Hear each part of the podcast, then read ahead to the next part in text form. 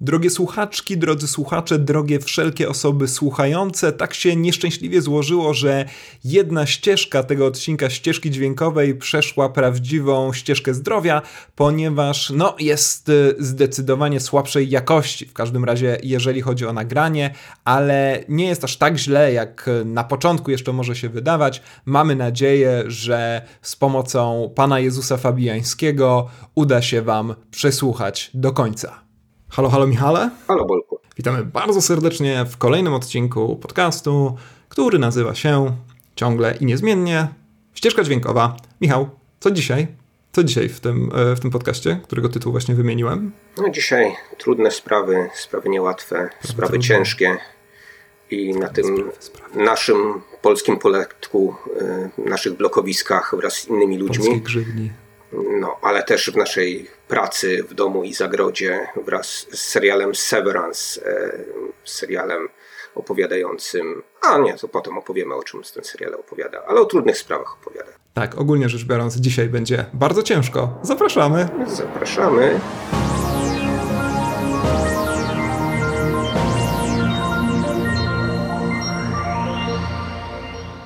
Obejrzeliśmy innych ludzi Aleksandry Terpińskiej według prozy Doroty Masłowskiej i tutaj jakby chyba te dwie, dwóch, tych dwóch postaci y, no nie będziemy rozdzielać jakoś bardzo, bardzo mocno, bo one sobie w tandemie idą, ale y, jako, że zadaję y, trudne i głupie pytania od czapy na samym początku po to, żeby cię mhm. zbić z pantałyku, że tak powiem, to zapytam, czy, czy ten film szkaluje Warszawę? E, Warszawa sama siebie szkaluje całkiem nieźle, choć muszę przyznać, że jestem wielkim miłośnikiem tego miasta. E, dobre pytanie. Nie zastanawiałem się o tym w tym, e, w tym kontekście, ale wydaje mi się, że on nie szkaluje, ponieważ trochę, trochę nie wchodzi na tyle głęboko, żeby rzeczywiście można to uznać za, za szkalowanie. On raczej gdzieś tam się prześlizguje po pewnych kwestiach i myślę, że tego filmu trochę wynika, że no, ludzie w Warszawie są jacy są. Pewnie nie tylko w Warszawie, ale myślę, że bez większego problemu możemy, możemy sobie gdzieś tam zupełnie z dala od tych innych ludzi właśnie to, to życie ułożyć. Choć nie wydaje mi się do końca, żeby takie było założenie autorek tego filmu, w to zresztą nie będziemy wynikać, ale jako ciągle jednak młody, ale w miarę zaangażowany warszawiak, muszę powiedzieć, że nie czułem się obrażony, a raczej czułem się tak miejscami połechtany, bo sobie tam myślałem, o tutaj ja też jeżdżę siedemnastką, prawda, tutaj mam podobne rozterki, kiedy usiłuję kupić bilet, tutaj chciałbym podpowiedzieć bohaterowi Kamilowi, że najlepiej kupować po prostu 70-minutowy, wtedy można trochę oszczędzić. Mm, tutaj Arkadia, prawda, no to to miejsca, które rozpoznaję, to jest właśnie, to jest to nowa jakość. Kiedy mieszkasz w Warszawie, to rozpoznajesz miejsca z polskich filmów, to jest taki polski Nowy Jork, prawda, kiedy przyjeżdżasz do Nowego Jorku i okazuje się, że znasz to miasto niemal w całości, później się okazuje w najbardziej krytycznych momentach, że w ogóle go nie znasz, ale właśnie dlatego, że, że poznałeś go z filmów, więc e, no to jest moja pokretna odpowiedź na twoje rzeczywiście trochę zbijające mnie z pantałyku pytanie. Gratuluję. Udało ci się zbić, zbić mnie z, pan, z, z, z Dziękuję. Bardzo ładnie. Dziękuję, dziękuję. Ten wątek miejski trochę, trochę chciałem pociągnąć dalej, no bo rzeczywiście do Nowego Jorku ludzie przyjeżdżają, zresztą nie tylko do Nowego Jorku, do Paryża pewnie i kilku innych e, miejsc, żeby czasami nawet się e, powałęsać za przeproszeniem albo poszwędać e, tymi miejscami znanymi im z filmów. Wydaje mi się, że taki tur śladami innych ludzi nie, nie cieszyłby się specjalną popularnością. Chciałem właśnie zapytać, na ile ten film jest Rzeczywiście, trochę mi odpowiedziałeś już na to pytanie, na ile jest warszawski, na ile jest e, uniwersalny, tak? No bo mamy te stałe punkty programu, jak mówisz, e, jeśli chodzi o, e, o, o, o ważne miejsca w Warszawie. Mamy jakiś taki koloryt dosyć, dosyć specyficzny, ale z drugiej strony no, nie mamy ogrywania też Pałacu Kultury i tak dalej, więc e, to jest, e, to jest film typu w polskim mieście, tak, czyli nigdzie. Tak, aczkolwiek mhm. to ciekawe w ogóle, że rozmawiając o tym filmie zaczynamy tak zupełnie od, od innej strony, ale to dobrze, no dlatego jesteśmy właśnie najdziwniejszym polskim podcastem filmowym.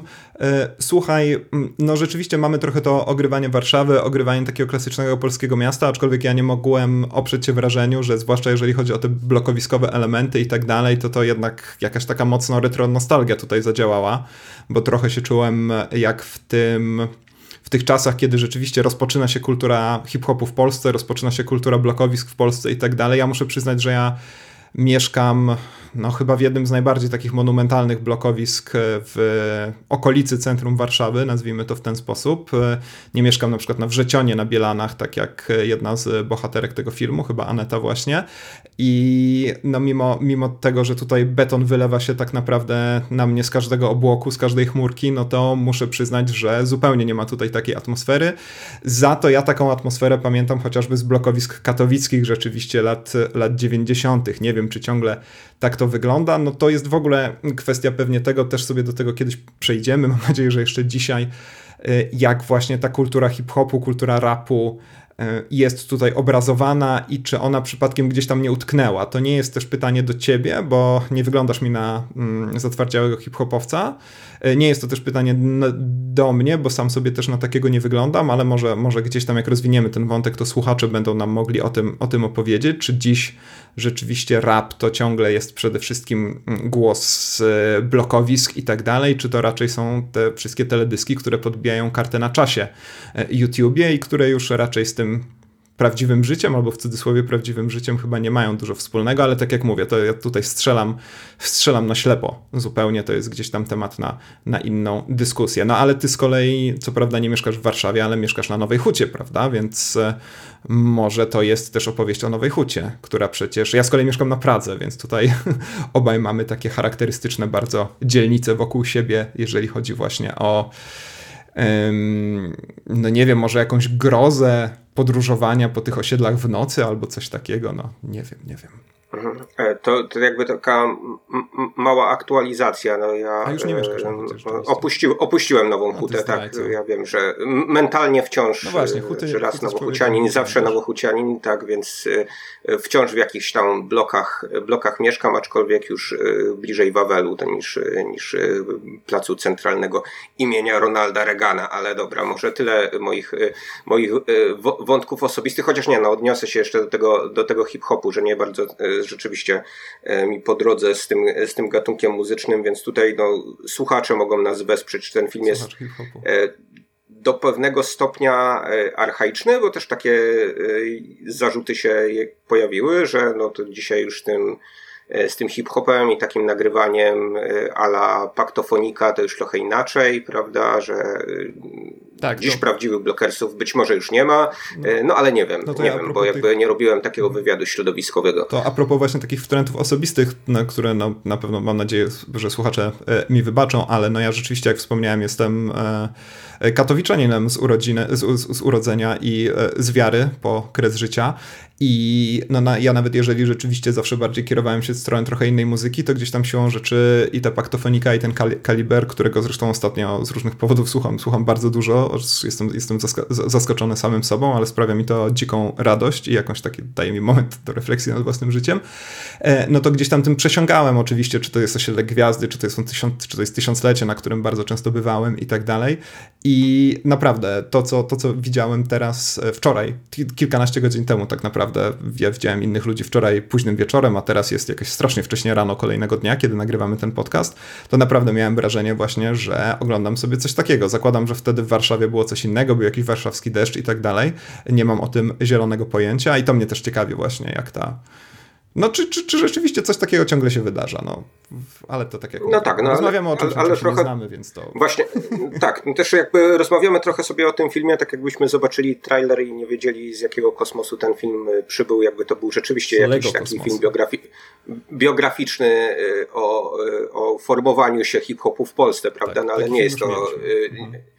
Tak, no właśnie nie jest to Jestem Bogiem, nie jest to jakiś, e, jakiś biopic, jest to e, coś, e, co wyszło z umysłu Doroty Masłowskiej, prawda? I dostało dziwną filmową formę, to znaczy nie wiem, czy cokolwiek, co wychodzi z umysłu Doroty Masłowskiej może dostać nie dziwną nadzieję, formę filmową, prawda? Tak, to, to Dlatego, że mieliśmy, no, mieliśmy wojnę polsko-ruską wcześniej, która była też dziwnym filmem, jak na polskie warunki, to wręcz mhm. jakimś kuriozum, prawda? I, I, pewnie będziemy sobie trochę przylugnywać ten film e, Spróbujemy, do niego. Aczkolwiek ja film Żuławskiego widziałem tylko i wyłącznie w okresie jego premiery w kinie, ale pamiętam, że mi się mhm. ogromnie podobał, więc... E, tu, tu, tu, tutaj podobnie, więc być może będziemy na bazie jakiejś właśnie no, nostalgii też. Tak, nostalgii do Borysa Szyca. Z, z tamtym filmem. Ni, niestety, niestety nie udało mi się właśnie te, tego filmu sobie jakoś odświeżyć, natomiast no, wydaje mi się, że gdzieś tam zapadł w moje komórki mózgowe dosyć, dosyć mocno. No ale tu jest kolejna adaptacja Masłowskiej już chciałem powiedzieć, że prozy, tak, ale się powstrzymałem, tak, no bo to jednak Ja nie wiem, szczerze to... mówiąc, ja nie znam w ogóle i specjalnie nawet się nie zapoznawałem z pierwowzorem literackim. Dla mnie to jest, mm. inni ludzie to jest tylko i wyłącznie film, to nie jest dla mnie żadne jakieś takie doświadczenie adaptacyjne, powiedzmy, nie ma, gdzieś widziałem tylko okładkę tej książki, gdzieś mi mignęła, zresztą wyglądała właśnie chyba jak takie klasyczne polskie rapowe CD z lat 90., ale... To wygląda jak płyta kompaktowa, tak? tak ale nie znam, coś, coś, coś, takiego. Ale nie znam e, ani jednego słowa e, oryginału mhm. z oryginału właśnie, co najwyżej z adaptacji, więc jeżeli chodzi o mnie, to ja no, będę no, mówił no, przeczytać, bo mam tutaj e, przed sobą, tak, więc nie wiem, czy... Znaczy oczywiście nie jestem w stanie tego ująć tak pięknie, jak tutaj adaptacyjnie aktorzy, tylko tylko szukam fragmentów, w którym nie będzie wulgaryzmów, żebyś nie musiał nie, tego, nie, nie, nie, e, te, te, tego wycinać, bo ja wiem, że to po prostu ból dla, dla ciebie, ale też jakoś na przykład taki podrozdział się zaczyna Zima. Biała jak jej zęby po butelce czerwonego wina. Godzina, szósta. Wiszą spaliny nad Warszawą jak zły czar. Krzyczą kominy, smrodem. Stycznia zona sina, tylko pomidorów za 15 zł wodogłowia drżą na gałązkach wiotki w bezpłodnych ogrodach. Dobra, zabrakło mi tchu. Ale no jakby y, masz tutaj y, chyba okay, wizję, że, że, że jest to y, ekranizacja wierna, prawda, pod względem tego, jak, jak zrytmizowany jest to tekst. I e, rzeczywiście, zwłaszcza w tych gdzieś tam pierwszych partiach, to wydaje się, że to jest takie, takie jeden, jeden do jednego. Pewne, mhm. pe, pewne rzeczy zostały, e, zostały z tej e, z tej książki wycięte, rzecz jasna, no bo wiadomo, że film się rządzi trochę, trochę innymi prawami i ograniczeniami tak, metrażowymi, natomiast, natomiast gdzieś tam no, co, co, co do zasady jest to, jest to blisko temu tekstowi okay. E, tekstowi Masłowskiej. Nie jest to jakaś e, aż tak odjechana adaptacja, która by po prostu e, przepoczwarzała zdania pisane prozą, prawda, na, na, ten, na, ten, na ten taki slam. Okej, okay, to muszę przyznać, że w takim razie tym bardziej na tym poziomie formalnym temu filmowi wyszło, bo to może od razu powiem, że mam do tego filmu kilka takich, wydaje mi się, no, ważnych zastrzeżeń, w każdym razie ważnych dla mnie, nie wiem czy dla kogokolwiek innego, ale to, co chciałbym od razu powiedzieć, to to, że rzeczywiście ten film pod kątem formy, zwłaszcza właśnie tej relacji słowo-obraz, jest piekielnie, piekielnie imponujący. I jeżeli to rzeczywiście mamy do czynienia z jakąś taką minimalną ingerencją w ten tekst wcześniej spisywany tylko i wyłącznie gdzieś tam e, w edytorze tekstu, no to tym bardziej robi to wrażenie. Naprawdę. Mhm. E, to znaczy, no to wymaga niesamowitych zabiegów oczywiście, żeby tego typu gdzieś tam formę pisaną prawda, przełożyć e, filmowo, żeby to się nam e, spinało e, tak, tak pod względem montażu wizualnego, jak i pod względem jakiegoś tam montażu dźwiękowego. No, Dorota Masłowska też nie jest raperką i też no, nie, nie pisze to, nie, nie pisała tego tekstu w takiej, w takiej formie, żeby się go jakoś szczególnie płynnie dało rapować, więc tam trochę, trochę trzeba było rzeczy, rzeczy gdzieś właśnie poprzetwarzać. Część rzeczy jest tak dosyć brutalnie pościnanych, e, e, no ale znowu, no też nie mamy do czynienia z jakimś musicalem hip-hopowym, prawda? Na, nie, no to są który... przecież polskie parasolki z Sherburga. Co ty mówisz, że nie mamy do czynienia z musicalem? Dla mnie No...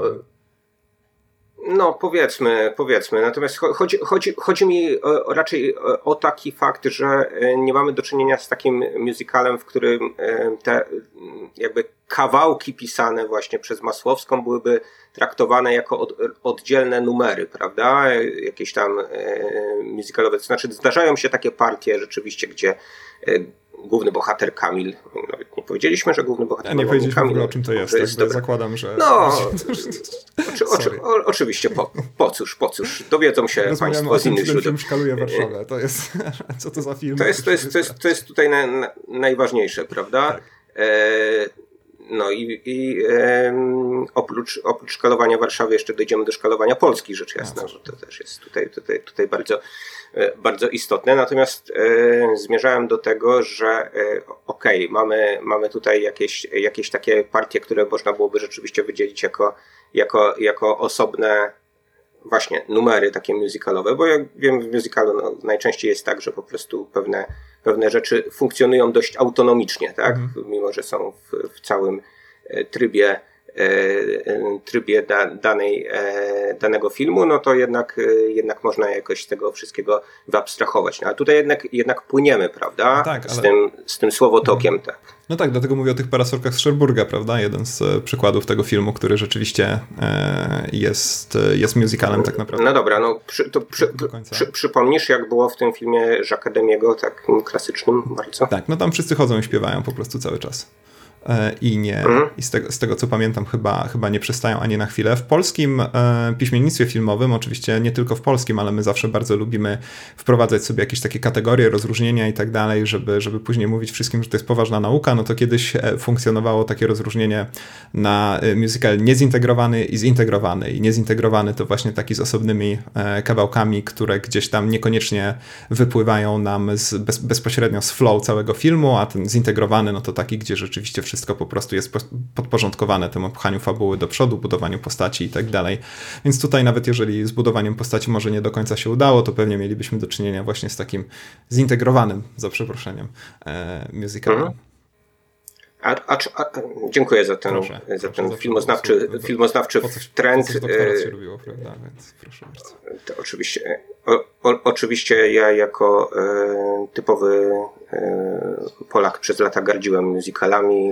E, do hmm. tej pory mam parę no takich tak. ulubionych, ale to nie jest, nie jest gdzieś tam jeden z moich ulubionych gatunków, więc być może tutaj nawet właśnie e, teoretyczne tyły mam e, dosyć, e, dosyć mocne. Natomiast no jeśli już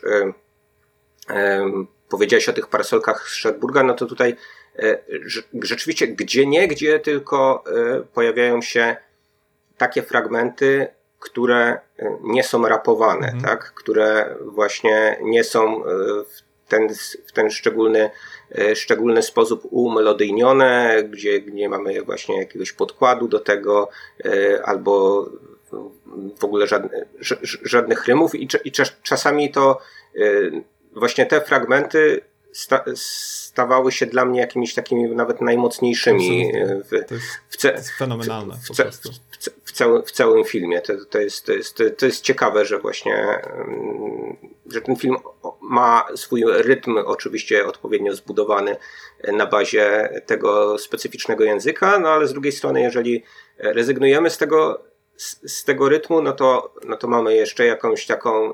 Znaczy, u mnie przynajmniej nie rodził się dystans ani dysonans jakiś w stosunku do tego filmu, tylko, tylko wręcz, e, wręcz przekaz tego filmu w tym momencie jakby był jeszcze bardziej wzmacniany. Tak, że otóż tak, tak. tutaj mamy, mamy podkreślenie przez, przez jakby odjęcie tak, pewnych, pewnych rzeczy, to jest, to jest, no. to, to, jest dosyć ciekawe. Taki, taki przykład jest na, przykład, przykład na przykład, na przykład. chciałem tak powiedzieć.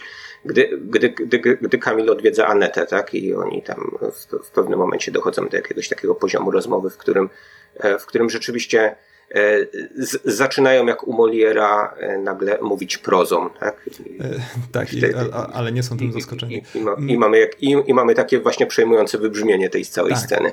To znaczy to w ogóle jest wszystkie te, nazwijmy je w cudzysłowie, zwolnienia, choć ten film raczej, mm, raczej w takim bardziej powszechnym sensie tego słowa nie zwalnia to fenomenalne jest to właśnie, że kiedy bohaterowie rozmawiają ze sobą nie rapując, no to gdzieś tam czasem ta fraza jest tak zawieszona, że jednak w pewnym momencie, w końcu właściwie ten rytm, niczym takie rozładowanie, rym, przepraszam, nie rytm, to rozła- niczym takie rozładowanie napięcia w końcu się pojawia i on potrafi przyjść z zupełnie niespodziewanej strony, na przykład gdzieś od jakiejś epizodycznej postaci, która gdzieś tam coś krzyknie e, i my jednak czujemy jakieś takie uspokojenie, prawda, że, że, że mamy tą kodę, mamy ten spokój, po prostu jest rym, jest cały czas ten porządek, a właśnie w pewnym momencie, mimo że bohater bohaterowie ciągle mają tę taką frazę bardzo poprzestawianą, która, która sugeruje właśnie pierwszy wers jakiegoś dłuższego rymowanego fragmentu, to jednak ten rym, rym, nie nadchodzi i to jest takie strasznie wybijające z jakiegoś takiego poczucia no, pewnego bezpieczeństwa, w które ten film jednak, jak każdy musical, jak każde kino gatunkowe,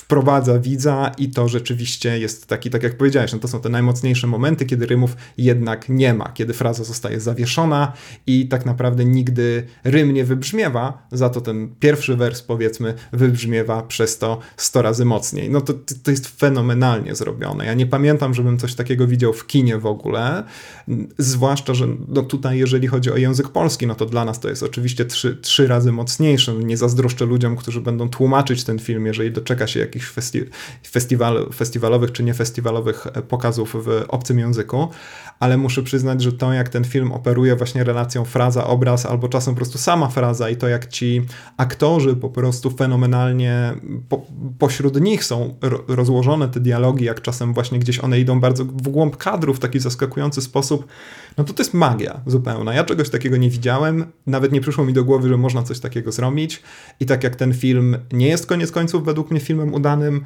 to te elementy po prostu zapierają dech, naprawdę. I tu mhm. trzeba oddać um, wszystkim zaangażowanym, no tutaj nie tylko autorce mm, oryginału, nie tylko reżyserce, no ale też pani, która, o ile dobrze pamiętam, nazywa się Chowaniecka. Tu niestety mogę się pomylić, a nie chcę teraz stukać w klawiaturę, żeby to sprawdzić, i która montowała ten film, jak zresztą e, kilka innych znakomitych filmów również. No, nie mówiąc o fantastycznej dyscyplinie aktorów też e, w każdej z tych takich no, dziwacznych, właśnie wytrącających, wytracających rytm, a wytrącających nas z pewnego spokoju scen. Super, super sprawa i chcę, chciałem powiedzieć, że na początku to trzeba powiedzieć, ale już porozmawiamy 20 minut. tak, to jest, to jest po prostu, podsumuję to takim prostym wow. Nie, tak, no właśnie. Nie umiem takiej, tak, tak po masłowsku wyrazić swojego, swojego zachwytu, więc powiem tak banalnie. Naprawdę, kapitalna sprawa jakieś takie właśnie oscylowanie pomiędzy tym takim e, flowem rapowym i, e, i, i właśnie zakłóceniami, zaburzeniami, które gdzieś się tam e, nie wiem, to jest, to jest właśnie film, który trzeba za rytm, tak, pochwalić, tak. W, w ogóle mm, stara, będę, sta, będę starał się e, unikać e, ciągłych odwołań do tego, że jak na kino polskie to coś tam, prawda, nie, takich dosyć częstych. I, jesteśmy, na, jesteśmy całkiem rozwinięci, jesteśmy taką, może nie jesteśmy rozwi nadzwyczaj rozwiniętą kinematografią, ale bez przesady już czas. No, natomiast wyższe, z drugiej strony, jeżeli mamy, mhm. jeżeli mamy coś lo, lokalnie nowatorskiego, to chyba właśnie warto to w dwójnasób pochwalić, prawda? No i po to jest nas tutaj dwóch, żebyśmy w dwójnasób właśnie tak. mogli chwalić. To był cały, ten podcast Więc... się nazywał dwójnasób w ogóle wcześniej. Dobrze, w tym swoim spin-offie wyjaśnisz, tak, skąd się wzięło słowo dwójnasób, prawda, i jaką, jaką ewolucję e, językową przeszło. Natomiast e, tu chciałem, chciałem powiedzieć, że E, właśnie, e, to było dosyć karkołomne zadanie, żeby odpowiednio zrytmizować audiowizualnie ten film, e, no a z drugiej strony jeszcze no, właśnie udźwiękowić go w taki, w taki sposób, żeby tam, gdzie potrzebujemy ten, ten flow był odpowiedni, a tam, gdzie, gdzie właśnie mm, mamy coś, mamy coś połamanego już u samej, samej Masłowskiej, e, to nam e, wyszło jakoś, jakoś zupełnie, zupełnie naturalnie, no bo też Masłowska e, właśnie gnie język, prawda, robi te swoje inwersje, jakieś takie przerzutki dziwne i no i jest to generalnie dosyć, dosyć nienaturalne do takiego, do, tak potoczystej frazy, prawda? A tutaj z drugiej strony chcemy zrobić coś, co będzie się na jakiejś takiej potoczystej frazie opo, e, opie, opierało. No a z trzeciej strony jeszcze mamy oczywiście e, odwieczny problem dźwięku w kinie polskim, tak? Mhm. Więc jeszcze, żeby, było, żeby to sprzedać, sprze, sprzedać odpowiednio, no to musi być to wszystko słyszalne i rzeczywiście e, te rapsy pod tym względem wychodzą wychodzą bardzo, bardzo dobrze. Co ciekawe, na, największy problem ja przynajmniej z dźwiękiem miałem w momencie, kiedy tam wchodzi e, taki chór bezdomnych, którzy tam e, coś sobie nucą na taką modłę przedwojenną, tak, takie tylko w Lwowie i tak, tak, tak, albo takich właśnie, no może jak jesteśmy gdzieś bliżej, e, bliżej Warszawy, tak, no to takich, jakie gdzieś tam szwagier Kolaska tak, tak, wskrzesił, tak, no tego, tego typu tego typu rzeczy, prawda? No i, i, i, i, tutaj, i, i tutaj wyszło, że ten dźwięk właśnie nie do końca może się spina po prostu pod względem tych takich różnych, różnych trybów no, takiej śpiewogry, tak, którą mamy w tym, E, w tym filmie. Jasne. Tu od razu powiem, że no nie mogłem oglądając ten film nie myśleć o mm, takich e, filmach jak to nie wiem, Pan Tadeusz czy Zemsta chociażby. Zdaję sobie oczywiście sprawę z zupełnej odmienności tej frazy i tak dalej i z tego, że no tam autorzy pierwowzoru literackiego raczej nie mogli brać udziału w pisaniu scenariusza ale no powiem szczerze, że nawet te frazy w innych ludziach, które są, mam wrażenie, rymowane w taki bardzo klasyczny sposób i które utrzymują gdzieś tam jakąś jedną, jedność zgłosek, liczby zgłosek w poszczególnych wersach, no to nawet te takie wydawałoby się najbardziej banalne fragmenty są opowiedziane w taki sposób, że tak naprawdę dopiero na jakimś etapie orientujesz się, że one są literacko w jakiś sposób udziwnione, że one się rymują i tak dalej i naprawdę nie wiem, czy będzie mi się chciało teraz oglądać po tym seansie właśnie czy Pana Tadeusza, czy Zemstę, yy, gdzie po prostu wyraźnie słyszysz, no jak to jest wszystko piekielnie, piekielnie sztuczne. Tak jak mówię, to jest złe porównanie, także dlatego, że ta, nie tylko jeżeli chodzi o tutaj, że tutaj trzynastozgłoskowiec i tak dalej, ale też w ogóle o słowa używane w ówczesnej polszczyźnie i tak dalej, ale jednak byłem pod wielkim No, no brakuje tam tłustego bitu takiego. Może tak, jakby może ktoś tak, powinien Jakby tak wjechał u mistrza Wajdy jakiś tak, taki tak, porządny tak, bicik, tak, to, taki, to taki e, do, dowiozło polones, to do... prawda, który leci przez całego, przez całego pana Tadeusza i może lepiej by się to oglądało po prostu. Bo to według mnie w tym filmie rzeczywiście w jego fragmentach udało się niemożliwe. To znaczy, to też jest wielka zasługa aktorów. E, się mm, sprawić, żeby totalnie nienaturalna fraza brzmiała absolutnie naturalnie, ale jednak zostawiała gdzieś tam z tyłu głowy jakieś takie poczucie zaniepokojenia. Wiem, że to absurdalnie brzmi, ale mówienie o tym, o tych elementach, omawianie ich w jakiś sposób, to jest trochę jak to słynne, od, znane od Franka Zapy tańczenie o architekturze i e, no i po prostu ci z was, którzy nie widzieli tego filmu, to chociażby po to muszą, muszą tego doznać, bo to jest, to jest inny poziom po prostu. Mhm. Tak, tak, zgoda. No, nawet jeżeli ten film was jakoś odrzuci, obrzydzi, zniesmaczy, tak, bo gdzieś tam A to już będziecie wiedzieć od pierwszej planszy. Słyszałem? Ten film się to jednak e, trigger warning, prawda, tak zwanego. Mhm. Tak, no, no. tak, tak, oczywiście. Os, os, ostrzeżenie jest, e, no to i tak, i tak warto spróbować czegoś, e, czegoś innego. Tak mi się wydaje, no chyba, że ktoś jest, znaczy lubi piosenki, które zna, no to wtedy, wtedy, wtedy raczej, raczej odradzam. No dobrze, ale to w takim razie może powiedzmy sobie e, o tym, e, czym ten film jest albo, albo próbuje być. Czy, czy on jest według Ciebie kinem społecznym, czy według Ciebie jest jakąś próbą opisu rzeczywiście współczesnej Polski, czy, to, czy jest jakimś tylko, tylko kolejną emanacją stanu ducha E, Doroty Masłowskiej, bo ja to chciałem zaraz mhm. też przyczepić do, do, do, do wojny polsko-ruskiej, która ma tonację zgoła, zgoła odmienną.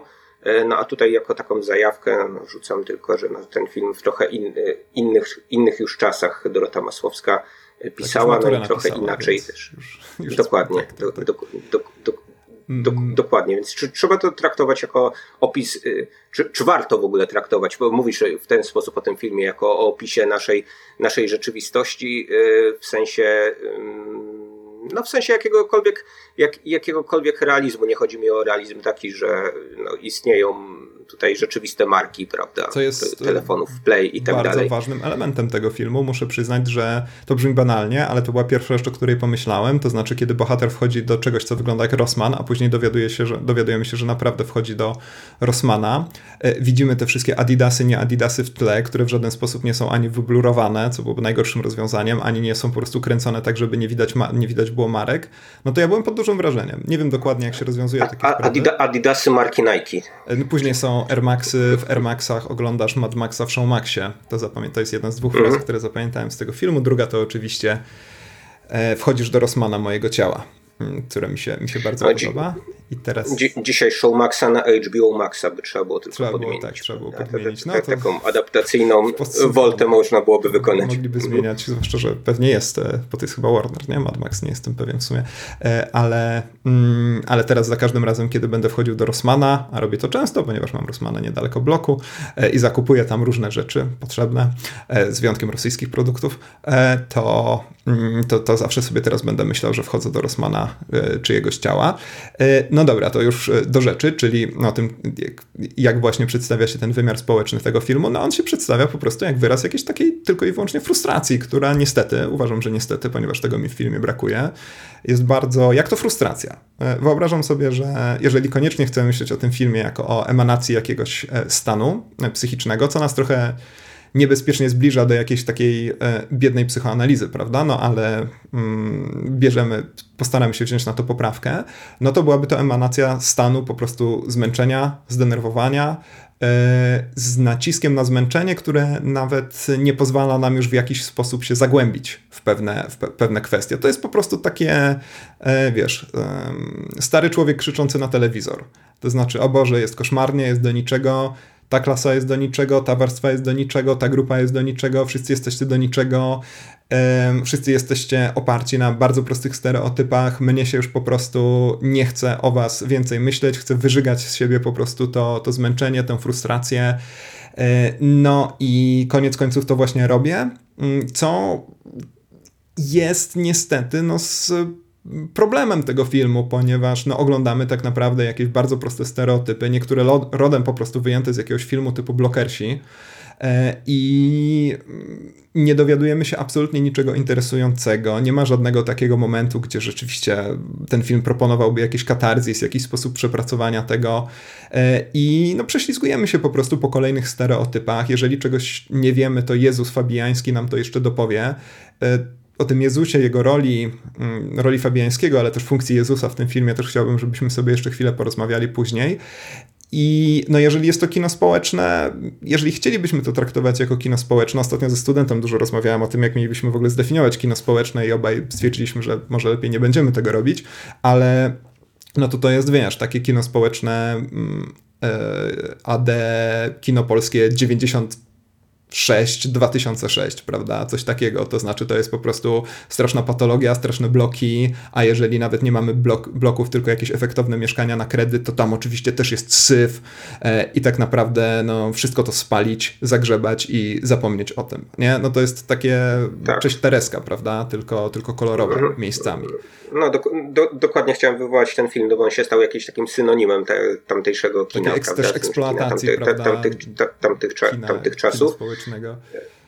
E, nie, nie, nie wiem, czy tak do końca słusznie, bo było, dużo, było wiele e, dużo gorszych od niego filmów, no ale z drugiej strony, no może że przez to, że był filmem docenionym, prawda? E, no to Cześć Tereska stało się takim emblematem właśnie tego typu, e, tego typu kina, które no potem e, też gdzieś tam w recenzjach krytycznych często też było podnoszone, że ileż można, tak? Tego typu kina u nas, prawda? Jakiejś takiej patologii bieda śląska, tak, czy bieda szybów gdzieś tam na, na, na, naszym, na naszym ekranie, ale to.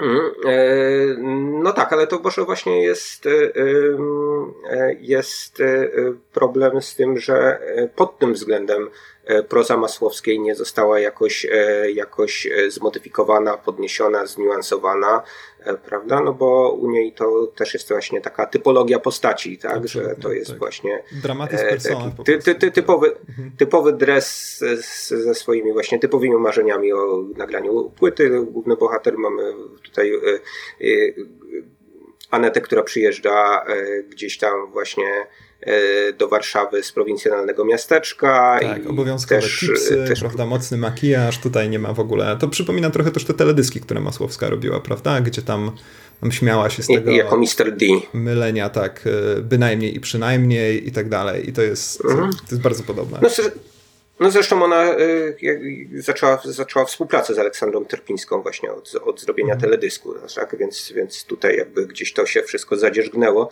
E, natomiast, e, natomiast może rzeczywiście e, trzeba było coś z tymi postaciami Masłowskiej z, zrobić więcej, a tutaj, tutaj też Terpińska pozostała, pozostała wierna temu, jak, jak właśnie Masłowska to napisała, a Masłowska to napisała też w jakimś bardzo niskim stanie ducha, jak, jak, odpo, jak opowiadała no, z, tego, z, z, tego, z tego, co wiem, no, miewała właśnie różnego rodzaju depresyjne stany w mhm. czasie, kiedy inni ludzie okay. po, powstawali i stąd no właśnie taki solipsyzm, jaki tutaj panuje, bo, bo tak, z jednej strony mamy jakąś taką niby, niby polifonię, mamy jakąś taką wielogłosowość, niby oddawanie głosu różnym postaciom, bo one gdzieś tam rapują, ale z drugiej strony jakby możemy mm, domniemywać, że to cały czas jest ta sama, sama postać.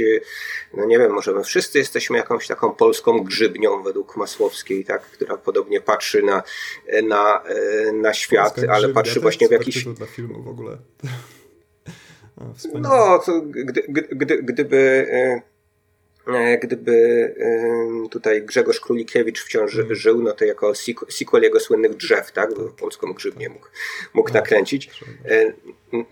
E, natomiast, e, natomiast wracając właśnie do, do Masłowskiej, no to wszyscy tutaj jak z, podobną, z podobną odrazą i z podobnym smutkiem, z podobnym zmęczeniem i zniechęceniem, prawda, patrzą, patrzą na ten świat dookoła i prawdę mówiąc mnie też to w pewnym momencie E, trochę zaczęło męczyć. Być może to rzeczywiście jest tak, że ten film powinien zmęczyć każdego widza e, to, to, to, takim, a nie innym. E, nie, no, oczywiście, no.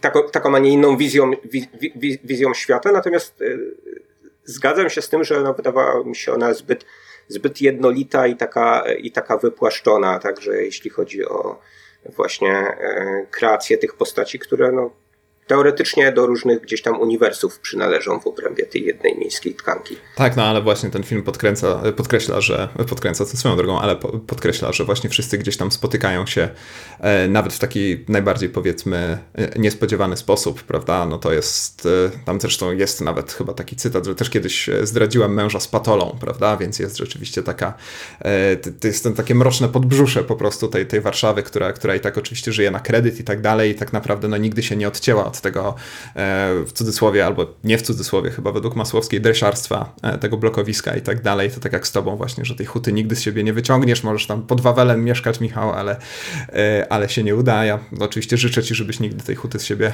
z, z siebie nie wyciągał. Nie, nigdy nie wygaśnie, w przeciwieństwie do tego ArcelorMittalu. Tak, huta, huta nigdy nie wygaśnie. Słuchaj, e, no ja też a propos takiej emanacji pewnej, pewnego stanu psychicznego bohatera, przepraszam, e, autora filmu, czy autorki fi filmu, które no w jakiś sposób niestety rzutują na, na jakość e, dzieła, które może przy, przy odrobince jakiegoś dystansu spojrzenia z zewnątrz mogłoby naprawdę być arcydziełem, no to dla mnie takim przykładem jest Powrót do tamtych dni E, który swoją drogą jeszcze w czasie pierwszych e, pokazów festiwalowych nazywał się Powrót do Legolandu. No, motyw Lego jest oczywiście nie, niezwykle istotny w, e, w innych ludziach, więc to jest, to jest no, ludzie w naszym wieku kręcą filmy, tak, więc no, Masłowska jest takie legoludki. Tak, legoludki, dokładnie. Masłowska jest odrobinę starsza ode mnie, ale to jest jakby, to są bardzo, bardzo podobne doświadczenia. E, I jeżeli chodzi o takie życie codzienne i no, powrót do tamtych dni, to jest właśnie dla mnie niestety przykład takiej kinematografii właśnie rodem z przełomu wieków, która jest jakąś taką, no tak naprawdę, jak mi się zdaje, psychoanalizą reżysera, to ja tego nie, nie wyciągam z żadnych wywiadów z nim i tak dalej, ponieważ niczego o tym filmie nie wyczytałem, z wyjątkiem ewentualnie recenzji czy, czy opinii cudzych, ale no no tam chyba jest plansza na końcu, gdzie e, bohater po prostu tłumaczy, że to jest, przepraszam, nie, znowu nie bohater, tylko e, reżyser tłumaczy, że to jest jego historia, no ale praktycznie ten film bardzo szybko też sprowadza się do takiej polskiej blokowiskowej patologii, e, która też jest niezwykle, niezwykle, niezwykle męcząca, też pozbawiona jakiejś głębszej refleksji. Rozumiem, że ten film musi mieć ogromną wartość dla autora i to sobie bardzo cenię, ponieważ każdy z tymi demonami, każdy je egzorcyzmuje na na jakieś tam na własną modłę, na swój sposób. E, ale znowu mnie jako widzę z zewnątrz to, to szczerze mówiąc niezbyt interesuje. No i tak samo jest właśnie z tymi mm, innymi ludźmi. E, mówisz, nie będziemy znowu wchodzić w te stany psychiczne mm, samej, samej autorki, ale mówisz, że ona to pisała gdzieś tam w jakichś stanach depresyjnych, no to no wtedy rzeczywiście nie ma za bardzo hmm, człowiek ochoty do tego, żeby zastanawiać się nad przyczynami pewnych rzeczy, czy niuansować pewne kwestie. E, co ciekawe, Ari Aster, słynny reżyser horrorów, o którym sobie w naszym podcaście nieraz rozmawialiśmy, opowiadał kiedyś, że pisze swoje scenariusze w czasie ataków paniki. E, co jest oczywiście niemożliwe, Ari Aster, e, nie kłam, e, jest to, jest to fajny zabieg marketingowy, ale nie wierzę, że to robisz, no ale to a propos tych właśnie różnych odmian depresji, które są w jakiś sposób kanalizowane w działalności, działalności twórczej. Więc no znowu, no, według mnie brak jakiegoś pewnego dystansu, być może tego, że rzeczywiście reżyserka nie zdecydowała się, tak jak mówisz, modyfikować prozy, czy cokolwiek to jest Masłowskiej, no to, to, jest, no to jest seria obrazków, które są seria nieinteresujących obrazków o, nieistnie, o nieinteresujących ludziach, którzy mówią nieinteresujące rzeczy i, i tyle. Po prostu ja tego filmu no, za, zostają mi w głowie pojedyncze efektowne frazy, jak to z Rossmanem. Zresztą cały ten numer rapowy jest, jest fenomenalny. On tam chyba nawet, nawet dwa razy jest wykorzystany w innych ludziach, ale no okej, okay. ja mogę, jeżeli chodzi o jakąś treść tego filmu, to mogę, mogę to skwitować jakby wzruszeniem ramion i pokiwaniem ze zrozumieniem. Jakby, no jest, jakby słabo jest, prawda? Grzy, polska grzyba. Okej, okay, no to jakby, jakby mo, mo, mocno zjechałeś z tego, z tego, z tego poziomu yy, wcześniejszego zachwytu no tak, do czegoś, co jest jakimś... Jasne, bo, bo uważam, że na poziomie operowania językiem i tej relacji, mhm. to, to się chyba jakoś nazywa, nie? Montaż pionowy, czy coś takiego, e, montażu mm, właśnie obrazu z dźwiękiem, no to to jest arcydzieło. To, co dzieje się gdzieś pod spodem, już arcydziełem nie jest, niestety. No, aczkolwiek no, ja bym tutaj jednak, jednak bronił pewnych, mhm. e, pewnych, pewnych takich właśnie trochę no, od, od, o jednak e, odróżniających ten film od, e, od gdzieś tam sztampowej opowieści.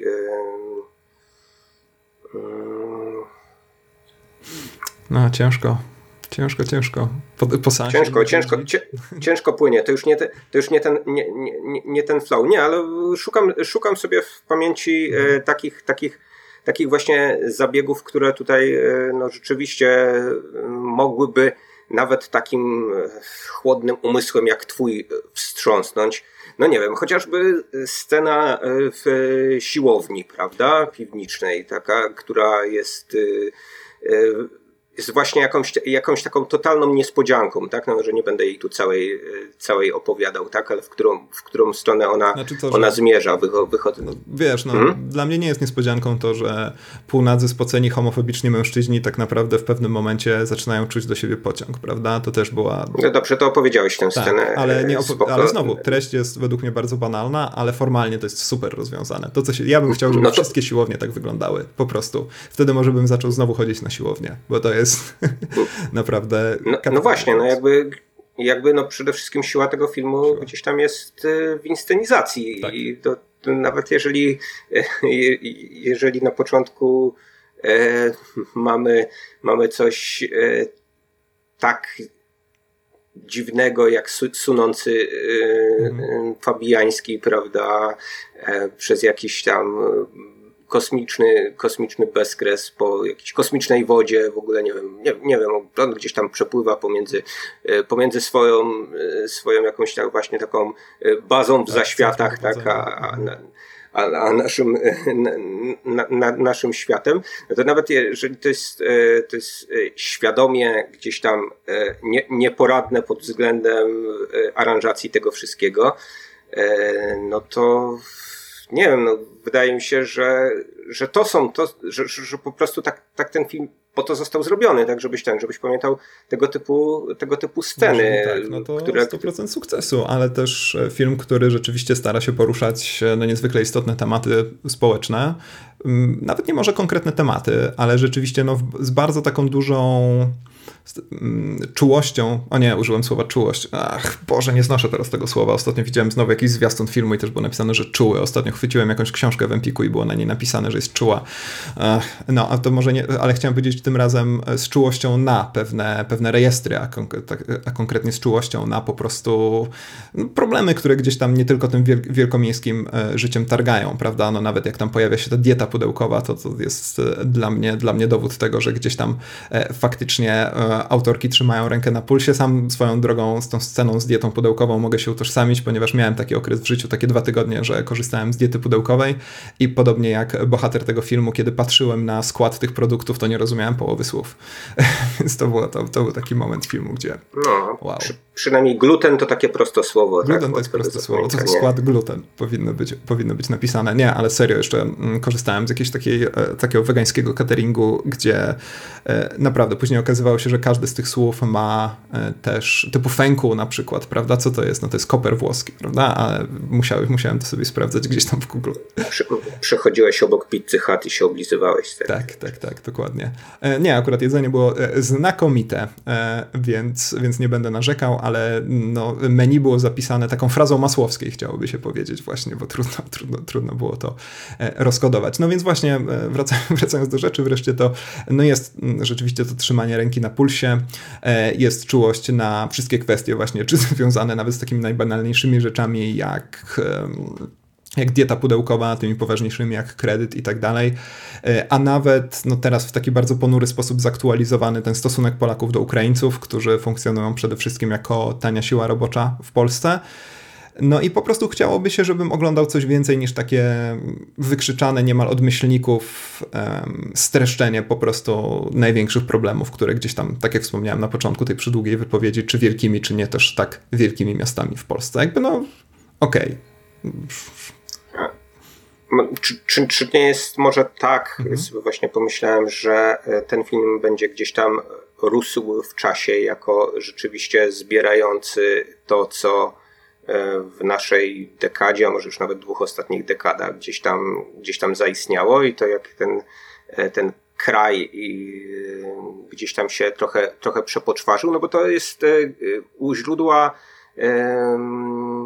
też miałem skojarzenia z filmami Koterskiego, prawda? Z opowieściami o Adasiu Miałczyńskim. Tak, świra przede wszystkim. I tym świecie, tak, świe, świecie, świecie dookoła niego, no ale generalnie no, taki solipsyzm, no to wiadomo, u Koterskiego y, gdzieś tam zawsze, z, z, zawsze dominował, tylko że mm, no, Koterski mimo wszystko y, tylko w niektórych filmach był, był tak, t, tak gorzki gdzieś tam na samym początku, prawda, jak kręcił kręcił swoje filmy, a ten, a ten film, e, film e, Inni Ludzie no, pozostawia jednak jakiś właśnie taki, taki, taki mocno gorzki posmak, przynajmniej u mnie, prawda, że być może te proporcje też tutaj nie do końca zostały e, zostały jakoś tak, znaczy... tak, tak, tak wyważone. Bo ten film bywa za, zabawny w pewnych, w pewnych kwestiach, ale koniec końców, koniec końców, no, um, jednak natężenie pewnego rodzaju um,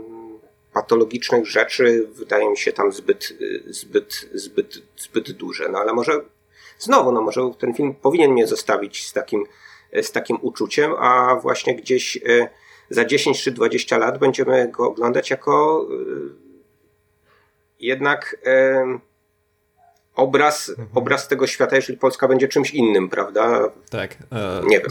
Można, można sobie oczywiście pomarzyć, ale no tak, z tym, że no to rzeczywiście fakty, faktycznie będzie to jakiś taki obraz, e, powiedzmy, no niemalże quasi dokumentalny, prawda? I to rzeczywiście na tej zasadzie wręcz muchy na ścianie, która gdzieś tam obserwuje po prostu, co się dzieje, ale nie proponuje rozwiązań, nie ingeruje w to w żaden sposób i tak dalej. No bo ja naprawdę powtórzę to po raz 73 już podczas tej naszej rozmowy, że to jest po prostu przegląd jakichś problemów, przegląd jakichś patologii, e, patologii ludzkich, patologii systemowych i tak dalej, ale zresztą wiesz, może, może jest coś w tym, jak ten film się kończy, prawda? Bo on się urywa w taki nagły sposób, tam bohater gdzieś tam coś krzyczy, gdzieś tam coś rozbija.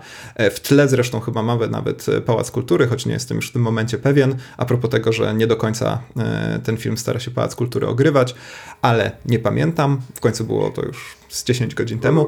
E, I, nie, za, nie zauważyłem takiego właśnie, przybytku. Więc może, może nie, ale no właśnie to, że ten film się tak gwałtownie urywa, no to też jest e, właśnie jakaś taka niemal wiadomość dla nas, prawda, że zostawiam was z tym, jeżeli chcecie coś z tym zrobić, to proszę bardzo, ja nie jestem na tyle bezczelna, nie jesteśmy na tyle bezczelne, ja, e, scenarzystka, reżyserka, montażystka, żeby, żeby próbować dochodzić do jakichś przyczyn tego wszystkiego, żeby proponować wam rozwiązania, żeby tworzyć wam jakieś katartyczne doświadczenie, które przecież tak naprawdę, jak większość katarty, katartycznych doświadczeń, w gruncie rzeczy okazuje się blagą, prawda? E, w momencie, kiedy ten film rzeczywiście kończy się w taki nagły, urywany sposób e, i trochę z zaskoczenia wyskakuje to chyba nazwisko reżyserki jako pierwsze, nie jestem już pewien, to muszę przyznać, że mam poczucie jakiejś takiej mm, tego, że jest to rozwiązanie właściwe na zakończenie tego filmu. Na pewno nie chciałbym dostać morału rodem z trudnych spraw, które w tym filmie się, się, się przewijają. E, być może rzeczywiście jest to po prostu takie bardzo mocne walenie cię po ryju po prostu i po uszach przede wszystkim e, tym, że jest, no nie będę tu przeklinał, e, ale bo znowu musiałbym to sam cenzurować, więc po prostu, że jest koszmarnie, że jest do niczego. Ty to wiesz, identyfikujesz się z częścią z tych problemów, czy to są mniej ważne jak dieta pudełkowa, czy bardziej ważne jak kredyt na dom, którego nigdy w życiu nie spłacisz, niespodzianka, e, bo jutro znowu podniosą stopy procentowe e, i, i proszę bardzo, rób sobie, rób sobie z tym, co chcesz. Ja na końcu rozbijam butelkę, tak jakbym rzucała mikrofon, wychodzę stąd i, i proszę bardzo. Może rzeczywiście, może w ten sposób, gdybyśmy traktowali ten film, to to, to, to, to, to tak, to jak najbardziej, może, może ja nawet zacząłbym go bronić. Problem, jaki mam z tym, to, mhm. to też jeszcze mała uwaga tylko do tego, to znaczy wydaje mi się, że w formie puenty tu jest splunięcie z tego, co e, pamiętam, którego już nawet nie widzimy, tylko słyszymy e, właśnie jak bohater, bohater no robi. To, ale to oczywiście ma, tą, ma, ma, ma tę funkcję, którą, którą ty mówisz, to właśnie takiego drop the mic, tak? tak. Że zamiast właśnie dźwięku upuszczonego. Też rapowa kultura przecież prostu... to lubi, prawda? Więc może, e, może właśnie o takie, takie rzucanie mikrofonem po prostu i, i wychodzenie chodzi. E, ale znowu, no to jest coś, co może gdzieś tam rzeczywiście w jakiejś retrospekcji, mm, w jakimś takim, takiej autorefleksji też na temat moich wrażeń na temat tego filmu działa, ale no to, co gdzieś tam przez prawie dwie godziny trwania tego filmu mnie rzeczywiście nie pozwalało jakoś bardzo mocno się zaangażować w te, w tę historię, a jednocześnie w takim razie w te problemy, które przecież z taką pieczołowitością i misternością są tam opisywane, no to to, że tam praktycznie nie ma bohaterów, prawda? I tu niestety chciałbym dojść do tej postaci Jezusa, która według mnie kładzie ten film w wielu momentach, w których on powinien rzeczywiście gdzieś tam wznosić się na tych skrzydłach, e, które są jednak w kluczowych momentach permanentnie albo permanentnie e, odcięte. I nie rozumiem zupełnie tej koncepcji, to znaczy zakładam, że to jest wzięte bezpośrednio z pierwowzoru literackiego, żebyśmy mieli bohatera, który ma jakby swoją pewną agendę, ma swoją podmiotowość, jest w stanie się odezwać, jest w stanie kapitalnie zarapować, ale cały czas za nim chodzi ten facet, który tym monotonnym, niezbyt ciekawym flow opowiada nam po prostu, co tam u niego się dzieje. E, I to jest niestety rozwiązanie, które jest po prostu klasycznym za, e, zamaskowanym narratorem na zasadzie voice-over, takiego spoza kadru, e, które zawsze jest złym rozwiązaniem, które nie pozwala nam gdzieś tam zżyć się, czy nawet zidentyfikować, choć to przecież nie jest absolutnie wymagane, z bohaterem, który no jednak gdzieś tam podróżuje na ekranie. Fajnie by było, jakby zaczął coś robić, jakbyśmy nie tylko słyszeli o tych rzeczach, ale też e, częściej w jakiś taki być może bardziej złożony sposób je oglądali.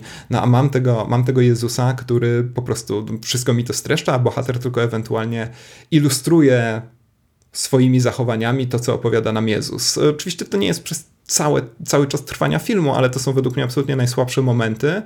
No nie mówiąc o tym, że koncepcja Chrystusa z bloków to są dla mnie lata 90. po prostu razy milion i szczerze mówiąc miałem wrażenie, jak patrzyłem na Fabiańskiego w tej czapce z koroną cierniową i w tej bluzie z kapturem z wielkim IHS na, na klacie, jakbym oglądał wyluzowany podręcznik do polskiego dla, dla podstawówki, po prostu, albo nie do polskiego właściwie, choć u nas to chyba niestety wszystko jedno, bardziej do religii, prawda? Ej, Jezus jest, wyobraźcie sobie, że Jezus jest raperem, prawda? Wychodzi taki wyluzowany ksiądz i, e, i opowiada wam, że, że może w ten sposób ta Ewangelia do was, e, do was przemówi. No nie wiem, dla mnie całkowicie... Wydaje mi się, że chyba, chyba, chyba nikt się u nas tak nie, nie wyluzował na rynku wydawniczym, ale to... E, no, znaczy ale... ja nie miałem takiego zeszytu i nie, widział, nie, nie widziałem takiego na rynku, jeżeli ktoś słuchacze, ze słuchaczy taki miał, to prosimy o nadsyłanie, nadsy, nadsyłanie ja okładek. Tak, pamiętam. Jakaś, wiesz, hip-hopowa Biblia albo coś takiego. Może nawet nie w Polsce. No, pamiętam te, teledysk John Osborne, która była taką uduchowioną, alternatywną pieśniarką i miała, miała super hit One of Us, gdzie Jezus jeździł na deskorolce. Tak, tak, tak. Więc, no właśnie, to jest Jezus, więc, e, okay. Jezus jeżdżący na deskorolce, to jest właśnie... Znaczy nie, no rozumiem, nie, no rozumiem, rozumiem twój zarzut, natomiast tego akurat chyba, e, chyba bym jednak stał się jakoś, jakoś bronić, mhm. to znaczy tu jest koncepcja, że Je, Jezus Chrystus jest królem Polski, no o tym dobrze wiemy, prawda, mhm. że został tam E, znaczy nie wiem, czy został uznany przez, przez, przez papieża, no ale nieważne. Wiadomo, że Polska jest ważniejsza niż Watykan. Przez, przez, przez ONZ I, I nawet i, i, nawet, I nawet taka fraza gdzieś tutaj nam się pojawia w radiu, tak, że a propos, a, a propos tego jego królowania Polsce w, w obrębie struktury tego filmu, natomiast z drugiej strony no jest takim właśnie Jezusem na miarę naszych możliwości, tak, to znaczy no niewiele może, może coś tam, coś tam powiedzieć, że jest, jest źle, może coś próbować pocieszyć, ale też to jakoś pokracznie mu e, wychodzi, więc e, jest jakimś takim e, zrośniętym z nami tutaj wszystkimi, prawda, z bloków gościem. Został sprowadzony do poziomu Polski, no więc można powiedzieć, że jaki kraj, taki król, tak? Albo odwrotnie. No, tak, było kiedyś taki, taki zbiór opowiadań, nie pamiętam, nie pamiętam nazwiska autorki. Tak, tak, jak najbardziej, to znaczy ja tak, też... i, i, i gdy, hmm? Gdyby to była wojna polsko-ruska, to wydaje mi się, że tutaj ten Jezus rzeczywiście miałby pełną sprawczość, mógłby, nie wiem, e, kogoś z karata potraktować, jak to też w wojnie polsko-ruskiej się działo, y, bo tam też, też różnego rodzaju no. sztuki walk wchodziły. Zresztą w ogóle no, chciałem gdzieś tam y, zmierzać w kierunku, y, no tak już kończąc może naszą analizę przydługą, e, porównania, tych, mhm. po, porównania tych dwóch, tych, tych dwóch filmów. No i wydaje mi się, że o ile wojna polsko-ruska właśnie gdzieś tam była jakimś takim chaotycznym, być może dla niektórych zbyt efekciarskim, e, ale jednak, e, jednak takim korowodem, prawda, tego, czym, czym, czy, czym Polska w latach 90. była, albo jak sobie ją wyobrażaliśmy, no to, no, no, no, no to właśnie tam taki, tak, taki Jezus super sprawczy by pasował, on by sobie mógł jeździć jeszcze właśnie do tego na dyskorolce, mógłby e, się gdzieś tam, gdzieś, ta, gdzie, gdzie, gdzieś tam e, prać tym złym ludziom e, mordy, no i, i, i okej. Okay. Natomiast, natomiast tutaj no, on jest... wampirów, to też, też taki film był kiedyś. On, on, on jest tak, tak umęczony, jak, jak po prostu reszta, reszta świata przedstawionego. No i w związku z tym no, wydaje mi się, że to jest jakaś taka koherentna wizja. Nie, jasne. To znaczy ja w ogóle nie mam problemu z tą e, wizją e, możliwości, czy też braku możliwości Pana Jezusa Chrystusa w, w, tym, w, w, tym świecie, który oglądamy na ekranie. Bardziej mam problem taki czysto narracyjny. To znaczy no nie podoba mi się, że on chodzi za tym bohaterem e, i tak naprawdę ten bohater przez to w kluczowych momentach niewiele może, bo jest po prostu zagłuszony przez ten monotonny rap Fabiańskiego. No i to też ja jakby nie jestem człowiekiem, który, który czuje się władny w e, ocenianiu różnych flow, rymowania, rapowania i tak dalej, ale jest duży kontrast jednak między tym takim, to jest pewnie też kwestia tekstu, który muszą zarapować, ale między rapowaniem fabiańskiego, które jest cały czas takie samo, a tym jak wchodzi właśnie ten mm, Kamil sam, no i on ma w ogóle fenomenalny głos, on fantastycznie rapuje, tam jest taki dłuższy fragment, kiedy on rapuje coś, co najprawdopodobniej jest właśnie kawałkiem napisanym na tę jego niemożliwą do nagrania płytę i to jest, to jest taka moc to jest tak fantastyczny fragment, naprawdę, że ja chcę jego słuchać, nie Fabiańskiego, tak jak mówię, więc mhm. to, to, to... No to też jakiś taki nieoczywisty wybór castingowy, prawda? Jacek, Jacek Beller, który został tutaj właśnie zatrudniony do e, głównej roli. To jest jakaś znana, znana ci postać, bo ja też jestem fatalny. W nie, to jest właśnie człowiek, człowiek który gdzieś e, przede wszystkim drugo-trzecioplanowe mhm. e, role e, odgrywał, no w w, w, weselu e, Smarzowskiego, tym drugim weselu, tak, e, już drugim weselu Smarzowskiego, tak, po prawinach można po powiedzieć, to, e, no to no to on, on, on, on tam robił te straszne rzeczy ze świnią. A. Okay. Więc, więc okay. jakby do takiej roli został, został sprowadzony. Ale chodzi mi bardziej o to, że to jest no, taki aktor charakterystyczny, prawda? Jego, znowu, konfrontując go na przykład z takim Borysem Szycem, który był takim e, rumianym dresem, prawda? Tak, tak. Dziarskim. E, to, co gdzieś, e, gdzieś Masłowska, czasami nawet w swoich felietonach dla tygodnika mhm. podkreślała, że gdzieś tam warstwa inteligencka, no to jest taka zblazowana, zmęczona wiecznie, prawda?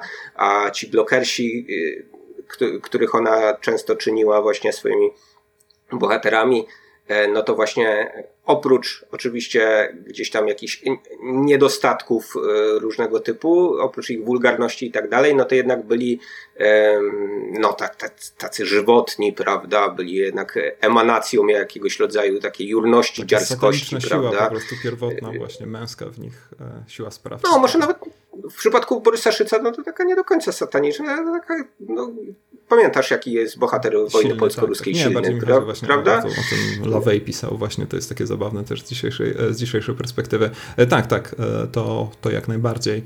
Mm, Wie, mhm. więc, więc tutaj konfrontacja tych bohaterów jest taka szczegól, szczególnie, szczególnie znamienna, tak? że no Jacek, Jacek Beller ma jednak właśnie taką, taką przeoraną życiem twarz, już można powiedzieć, tak? że to jest, to jest no, człowiek tutaj, jak na ekranie jest prze, prze, przedstawiony bohater y, niekarany, co prawda, ale już z wykroczeniami, tak? są te 32 lata na, e, na, na, karku, więc może już trochę za późno, żeby się bawić w pewne rzeczy, tak jak nagrywanie płyt, jeżeli do tej pory to, Ej, coś nie, pykło, ja no to już, no to już raczej... późno na nagrywanie płyt, więc... No dobrze, dobrze, dobrze. No warto, wa, warto wierzyć, natomiast no, ta wiara nawet w samym bohaterze, jak jeżeli spatrzymy e, w jego oczy zmęczone jak moje, tak, no to no nie jest chyba zbyt, inny popularny zbyt wielka. artysta tutaj e, się Oczy, Otóż to, otóż to. No, więc yy, więc yy, diametralna różnica, prawda, jeśli chodzi o adaptowanie, adaptowanie Masłowskiej, której wydaje się, że jednak, jednak jakiś tam poziom formalny, fraza bywa raczej, e, raczej gdzieś tam utrzymywana w tych różnych, e, różnych publikacjach, e, a no ale właśnie, co wojna polsko-ruska miała, może tak zapytam, czego, hmm. czego nie mają inni ludzie. Nie, nie powiem, ci, powiem ci zupełnie szczerze, że nie odpowiem ci na to pytanie, ponieważ tak jak wspomniałem na początku, widziałem ten e, film i czytałem tę książkę e, lata, lata, lata temu.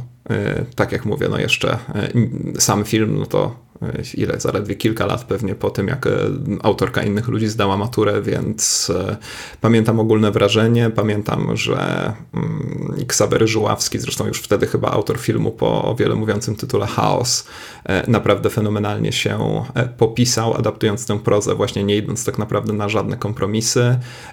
Wiele, wiele, wiele lat później zresztą Ksawery Żuławski nakręcił przecież tą Mowę Ptaków, gdzie z kolei Fabijański, gdzie z kolei Żuławski pokazuje, że jeżeli Fabijańskiego odpowiednio odpowiednio obsadzić, to jest to kapitalny aktor. Po prostu, tak jak Fabiańskiego nie lubię oglądać ani w serialach, ani w, u Patryka Wegi i tak dalej, to jednak w Mowie Ptaków był absolutnie zachwycający. Tutaj znowu raczej ta jego taka monotonia, niestety tutaj, czyli w innych ludziach, ta jego monotonia pewna e, bierze górę. Ja też nie jestem w stanie uwierzyć, że ktoś taki jak Sebastian Fabijański faktycznie miałby być Jezusem z bloków, ale znowu e, mniejsza z tym.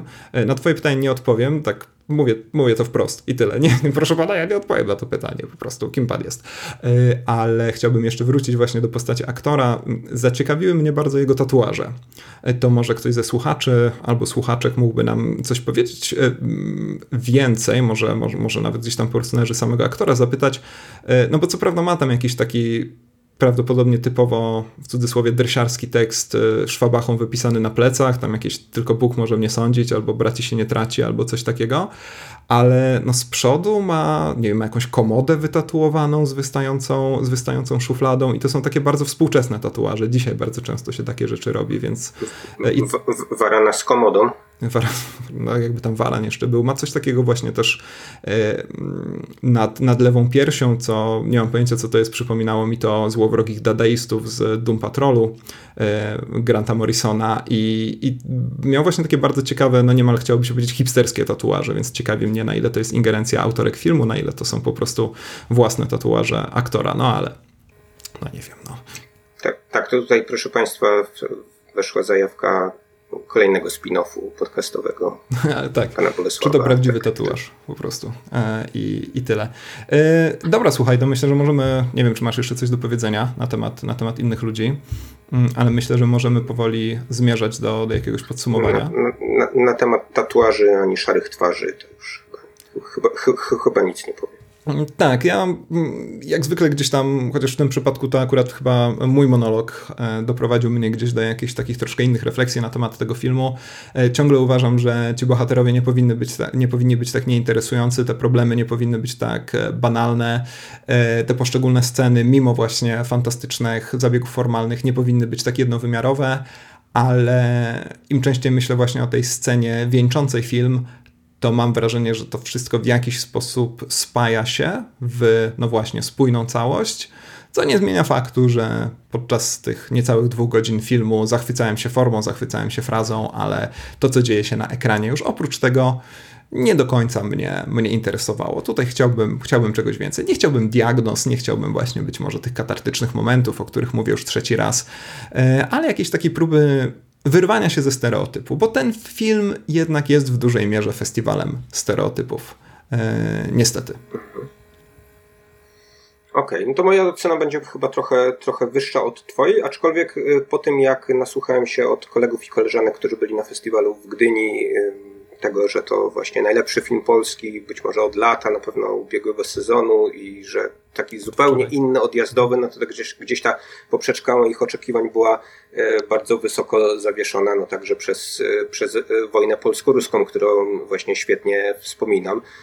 No i, i, i pod tym względem rzeczywiście ten film nie dostarczył mi takich wrażeń jak, jak wojna polsko-ruska, którą mu, muszę sobie, muszę sobie odświeżyć tam rzeczywiście poziom jakichś takich odjazdów y, wciąż mhm. przytych mocno w te polskie, polskie realia, no był dla mnie czymś oszałamiającym, albo był dla mnie czymś ożywczym, czymś, czy, czy, czymś zabawnym. E, tutaj rzeczywiście trochę e, ta monotonia doskwiera, no ale to być może ta dru, druga twarz Polski, no jednak ta, taka właśnie bardziej diskotaneczna e, z lat dziewięćdziesiątych, a ale no mamy też przecież pół roku zimy, tak? I, i też no, ten film jakby wszyty jest w te realia, prawda? Gdzie tylko smog, gdzie, gdzie nawet coś nawet takiego jak, świe, jak święta Bożego Narodzenia, to taki bardzo, bardzo smutny czas. Z drugiej strony, to, o, to, to jeszcze jedna, jedna kwestia, tylko tak na marginesie e, zaczynam się zastanawiać, czy, czy, czy powstanie jeszcze jakiś e, film polski, który będzie pokazywał w pozytywnym świetle święta Bożego Narodzenia, ale nie będzie romkomem, nie będzie komedią romantyczną, prawda? Bo tam, gdzie mamy święta w Polsce, no to Zwykle to jest y, pijany człowiek tak. Y, przewracający stół, bądź przewracający choinkę, bądź podpalający choinkę, bądź też ścinający y, choinkę, zrzucający barsz ze stołu, kradnący wylewający zupę i tak dalej. Tak, no właśnie, kradnący jak w cichej nocy. Tak, no choinka Co z tymi świętami? Bo polskiej patologii ogólnie rzecz biorąc, jak się, jak się tak. okazało. E, można się śmieszyć. Święta Bożego Narodzenia kiedyś, kiedyś wrócą, kiedyś, kiedyś powrócą. Ja tak, mo można się śmiać, po, że, że, że, w takim logotypie powiedzmy polskiego e, metalowego zespołu All Souls Grace jest coś, co wygląda jak świąteczna choinka, tak naprawdę no, ma, ma to być jakieś e, drzewo po prostu niby posadzone w cudzysłowie na takim odwróconym krzyżu, zgodnie z metalową estetyką, no ale trochę wygląda to jak właśnie choinka na stojaku, no i teraz okazuje się, że kurczę, rzeczywiście choinka to jest wszystko, co najgorsze w Polsce, więc może rzeczywiście e, tak powinniśmy, tak powinniśmy to interpretować. Nie kupujcie choinki, bo to się źle skończy. Naprawdę. Możecie się uszkodzić. Tak. No, ale jako, że jesteśmy u progu wiosny, to...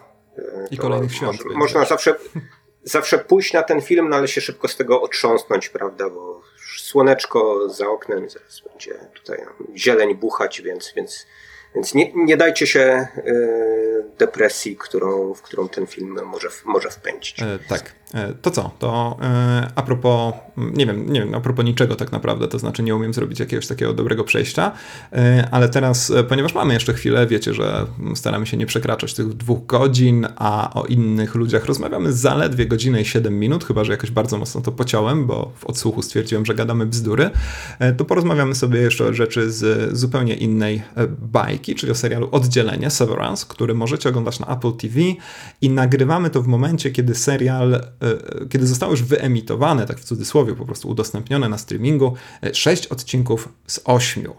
Michał, ty w ogóle pokazałeś mi taki serial jak Severance, zasadziłeś mnie przed, przed telewizorem, powiedziałeś proszę oglądaj, także powiedz, powiedz mi, naszym słuchaczkom oraz słuchaczom, cóż to jest to, to, to oddzielenie, co kto od czego oddziela? No jest to serial z naszego chyba ulubionego gatunku, prawda, jakim jest science fiction. E, mhm. No i tak. tak, ale potwierdzasz, że ulubionego, czy tak nie do końca? Czy jednak na musicale się przerzuciłeś? Mm. Słucham? Dobre pytanie. E, no rzeczywiście, a propos seriali musicalowych, to zdarzyło mi się obejrzeć pierwszy sezon e, serialu Glee, ale no tak, science fiction jednak gdzieś tam, gdzieś tam w czołówce, zwłaszcza jeżeli chodzi o próby opowiadania takich długich właśnie serialowych historii, które gdzieś tam, prawda, badają ludzką naturę i to tak jak, tak jak po części robi to Severance, więc tak, dobrze powiedziałeś, no, zgadzam się z tobą. Mhm. Tak, i no jak każde udane science fiction, e, ten serial stara się opowiadając o przyszłości, w zasadzie ekstrapolować naszą teraźniejszość i mówić o tym, co tu i teraz, czyli mhm. trochę mówi o tym, co się, co się wydarzy za chwilę, a trochę co się, co się już dzieje. Koncept jest taki, że w miejscu pracy na czas pracy możemy oddzielić swoją świadomość. Bohaterowie Severance mogą, e, mogą e, oddzielić e, świadomość czasu wolnego od świadomości czasu pracy i no, niejako obserwujemy ich egzystencję jako dwóch osobnych podmiotów. Podmiotów, które właśnie w czasie pracy nie pamiętają, znaczy nic nie wiedzą tak naprawdę o tym, co robią w czasie wolnym, i e, tych, e, którzy e, w czasie, w czasie wolnym no, nie pamiętają, co się w czasie pracy wydarzyło, nie mają dostępu jakby do tego, do tego świata zupełnie. I gdzieś na w punkcie wyjścia, no to jest, można powiedzieć, taka opowieść o o tym work-life balance, prawda, o którym tysiące poradników się dzisiaj, dzisiaj pisze, o tym, że należy sobie równoważyć pewne rzeczy pomiędzy właśnie czasem dla siebie, tak, no i czasem na zarabianie e, pieniążków, e, no ale z drugiej strony no mamy oczywiście jakąś taką strukturę, e, strukturę dystopijną, no bo jak możemy się domyślać w tym, w tym czasie pracy no, nie dzieje się za dobrze i próby też potem przeniknięcia głównego bohatera, który nazywa się tutaj Mark Scout, jest grany przez Dama Scotta, e, do tego, co, e, co się dzieje w czasie, w czasie pracy z jego ciałem tak naprawdę. Mm, no to tutaj, y, to tutaj mamy tę, tę, tę, tę część y, dreszczowca takiego, tak, mhm. takiego typowego thrillera futurystycznego, który nam się wkrada, e, wkrada w tę fabułę. Nie wiem, czy coś chcesz dorzucić tak, to znaczy, jeszcze bardzo... do takiej struktury opisu ogólnej. Nie, no może już przejdziemy rzeczywiście do rozmawiania o tym serialu. Bardzo ciekawe jest to, co powiedziałeś o tym, że właśnie na science fiction, prawda, powinno gdzieś tam ekstrapolować, użyłeś takiego jednego też z moich ulubionych słów, e, bardzo, bardzo lubię wtrącać gdzieś tam w, w losowe wypowiedzi, jak kupuję bułki albo coś takiego, e, ekstrapolować właśnie jakąś przyszłość na, na, na. Proszę mi to ekstrapolować tylko w torbę papierową. Tak, bardzo, bardzo proszę o uważną ekstrapolację chleba chlebosłonecznikowego i no, kiedy ten serial powstawał, o ile wiem, no, na pewno zresztą tak było, bo przecież seriale mm, gdzieś tam, zresztą na poziomie koncepcji rodzą się lata przed tym, jak w końcu my możemy obejrzeć je na ekranie komputera czy telewizora, no to nie było jeszcze tej radykalnej sytuacji w zaburzeniu work-life balance, jak, do jakiej doprowadziła nas e, pandemia popularnego koronawirusa, prawda? I z jednej strony mogłoby się wydawać, że Severance jest serialem troszkę nietrafiającym w aktualność, ponieważ e, mówi o chodzeniu do pracy, co wiele z nas jednak e, przestało gdzieś tam udawać się do konkretnego miejsca pracy, a z drugiej strony yy, trafia w tę aktualność jak nic innego, ponieważ no właśnie tego teraz przede wszystkim żądamy, czyli tego, tej równowagi pomiędzy pracą a yy, życiem, życiem codziennym, więc to jest zupełnie fenomenalny komentarz na temat tego, co wydarzało się wokół, kiedy zresztą no jak zaczęła się pandemia i zaczęły się właściwie te, mm, te lockdowny kolejne, mm, home office zrobiło się tak bardzo popularne, no to oglądaliśmy te wszystkie niby śmieszne, a jednak trochę niepokojące nagrania o ludziach, którzy stoją w wannie i trzymają się sznura do e, suszenia prania, no i udają, że jadą tramwajem do pracy, prawda? Gdzieś tam przebierają się, przechodzą do drugiego pokoju, jeżeli mają w ogóle drugi pokój, bo to był jeden z wielu problemów do dzisiaj jest tej idei home office, no i teraz są, prawda, w pracy i, i udają, że udało im się to oddzielić, podczas gdy no, na pierwszym lepszym kolu widzimy, że tam jakieś dziecko wskakuje na, e, na kolana, ktoś tam coś krzyczy e, i mm, życie codzienne daje się we znaki. No więc to jest jakby, no chyba nie mógł w lepszym momencie się ten serial e, ukazać, prawda?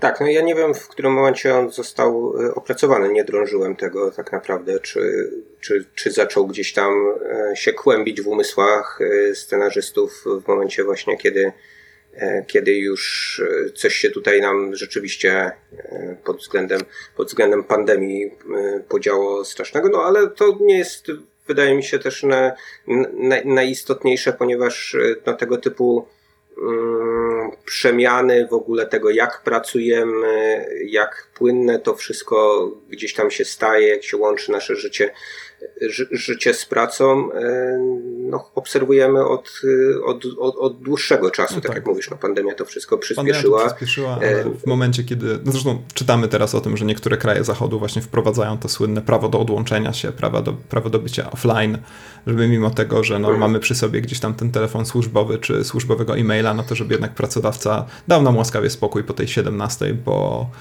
bo po prostu mamy też, mamy też swoje życie, prawda? Oczywiście, no to jest ten problem technologiczny, y, problem y, mój na przykład osobisty, mhm. który polega na tym, że na, na, na, tym samym laptopie, którego używam do y, tak ekscytujących rzeczy jak nagrywanie podcastu, ścieżka mhm. dźwiękowa, sprawdzam też, też pocztę w jednej z moich prac, że tak to określę no i że to jest jakby cały czas gdzieś, gdzieś, gdzieś przy mnie, prawda? To samo narzędzie, a jeszcze no właśnie w czasie, w czasie lockdownu, w którym, no, który no niektóre, niektóre firmy prze, przedłużyły e, relegując pracowników do domu, no to, to jakby miejsce pracy też, tak? Stało się miejscem życia. Więc, więc ten serial stał się właśnie bar, bardzo aktualny, no zarazem, zarazem pokazując coś co jednak no, przybiera ramy y, dosyć y, do pewnego stopnia, no, tak, tak, tak, no. tak to określę, właśnie takiego y, schematycznego dreszczowca futurystycznego. Może schematyczne nie to jest, to, to jest złym słowem, bo tu jednak dosyć powoli odkry, odkrywamy te no różne, tak, tak, tak. różne kafelki, co, co, co, tam się dzieje. Natomiast chodzi mi o to, że, że, że mamy pewnego rodzaju właśnie dystopijną strukturę, w, w której obracają się bohaterowie, ci, ci, ci, ci, ci pracujący. Ona jest tak zorganizowana e, dla mnie na kształt szpitala psychiatrycznego z lotu nad gniazdem. Tak, takim tak, tak. tego wszystkiego. Mhm. Tak, no i, i, jakby sam, sam design tej przestrzeni jest, y, jest po prostu na tyle odpychający, tak, prawda? Na tyle. 1938, nie? albo coś takiego troszkę. Tak, bo, bo, bo, wszystko jest albo takie oślepiająco białe, taką bielą szpitalną, przerażającą, a, y, a z drugiej strony jest y, w teorii kojący kolor nadziei, jakim jest kolor, kolor zielony, prawda? Ale to jest, to jest taka no taka zieleń z gatunku tych takich najbardziej obrzydliwych zieleni, prawda? Gdzieś już taka... Grzywnia polska ma taki e, na, na, na, na, na krawędzi pewnej, pewnej takiej zgnilizny, ale z drugiej strony no, gdzieś pomiędzy jaskrawością, a, a właśnie zgnilizną się, się plasująca, no, miejsce, w którym, w którym no, na pewno e, pracować, pracować bym nie chciał. Z drugiej strony jeszcze bohaterowie osadzeni są w takich właśnie kubikach, prawda? Tylko, że no, z takimi Prze, znaczy, no. nie, są, nie są może w jakichś takich zupełnie zamkniętych, zamkniętych sześcianach, natomiast no wiesz, gdzieś tam w tej geometryczne, geometryczną przestrzeń tak, e, mocno, mocno wsadzeni i ulokowani. Konstrukcja tych biur, no to tak bardzo ładnie wpływa, tak? Można sobie wysunąć jakąś ścianę, schować jakąś barierę i tak dalej. To jest taki trochę open space, trochę taki, nie wiem, quasi open space, jakkolwiek się to nazywa w dyskursie korporacyjnym. E, wszystko utrzymane właśnie, tak jak mówisz, trochę w klimacie jakiegoś takiego futurystycznego, złowrogiego szpitala psychiatrycznego, trochę właśnie w takim retrofuturyzmie, jeżeli chodzi o technologię, z której oni e, korzystają, także tak naprawdę trudno to umiejscowić w konkretnym e, czasie. Tak, bo tam, bo tam cho choćby monitory mamy takie z takimi... Tak. E, tak. Więc plus jakieś takie bardzo dziwne kontrolery i tak dalej, więc rzeczywiście nie, nie, nie, wiadomo do końca, co tam ma się dziać. No i bohaterowie też nie wiedzą, co jest jedną z podstawowych zagadek tego, tego serialu. No ja bardzo lubię ogólnie rzecz biorąc seriale, które tak bardzo poważnie podchodzą do takiego pomysłu, na który, jak to kiedyś był taki popularny mem, czy mem, nie wiem, czy to jest mem, to raczej jakaś taka, taki, taki żart internetowy, powiedzmy o tych, o myślach pod prysznicem, tak, że siedzisz pod prysznicem i nagle przychodzi ci do głowy coś zupełnie dziwacznego, szalonego i tutaj właśnie wyobrażam sobie, że siedzisz sobie, Michał, pod prysznicem i nagle, czekaj, wyobrażam to sobie, tak, i nagle przychodzi ci do głowy coś takiego, ej, a, ale by było super, gdybym mógł oddzielić swój mózg, także jeden chodzi do pracy, a drugi nie chodzi do pracy. Man, po prostu. No i później e, taki bardzo prosty pomysł e, trafia do, do rąk rzeczywiście ludzi, którzy mają bardzo ciekawe inspiracje, którzy znają się na tym, jak zbudować intrygę i robią z tego bardzo poważny serial, choć sam pomysł, tak jak mówię, wygląda albo jak taki stonerski żart, albo właśnie jak coś, co przyszło ci do głowy pod, e, pod prysznicem. Kiedy zaczynałem oglądać ten serial, to akurat przygotowywałem się też do zajęć ze studentami na temat Synekdochy Nowy York, Charlie'ego Kaufmana i myślę, że Charlie Kaufman też byłby całkiem niezłym tropem, choć oczywiście bardzo mocno przefiltrowany, no jednak jest to serial na popularnym serwisie streamingowym, ale jeżeli chodzi o jakieś takie zaburzenia właśnie rzeczywistości, mm, jeżeli chodzi o pewne zagadki dotyczące samych podstaw naszego funkcjonowania, istnienia tutaj w tym miejscu e, i przy okazji taką bardzo interesującą formę na czele właśnie z samą tą korporacją, w której bohaterom przychodzi e, pracować, no to ten Charlie Kaufman chyba byłby całkiem, całkiem niezłym tropem. Co ty na to, Michał? Niezłym, natomiast zamiast Charlie'ego Kaufmana masz Bena Stillera tutaj. Yy, Szok. To nazwisko może od, od, odstraszać niektórych e, słuchaczy, Tych, ale nie no, widzieli no, serialu Ucieczka z, no i teraz zapomniałem nazwy, Demamory, Dame, Damenory. A... No właśnie, bo to jest jakby kolejne uwikłanie gdzieś tam e, Bena Stillera w serialowość i, i rzeczywiście ten serial Escape from Dannemore, tak, on mhm, tak, tak wyszedł, wyszedł zaskakująco dobrze. Zresztą Patricia Arquette y, tak, z tamtego serialu mhm. nie, nie kontynuowała z Benem, z Benem Stillerem y, tutaj. E, natomiast, y, natomiast tak szczególnie dobrego w tym serialu, to znaczy wydaje mi się, że nie tylko ten taki właśnie kaufmanowski koncept, no bo właśnie Charlie Kaufman lubi gdzieś wychodzić od tego, że z mm, ludzkim umysłem coś się, coś się dzieje nie tak, prawda? O pe pe pewnych rzeczach zapominamy albo doświadczamy ich inaczej, jak właśnie chociażby Kaiden Kotard z Synek Dochy Nowy Jork przez ciebie przywołanej, albo też mamy e, opcję usunięcia sobie też z umysłu e, pewnych rzeczy, tak, e, jak... Przecież. Dokładnie tak, jak, jak, jak, jak w Zakochanym Bez Pamięci.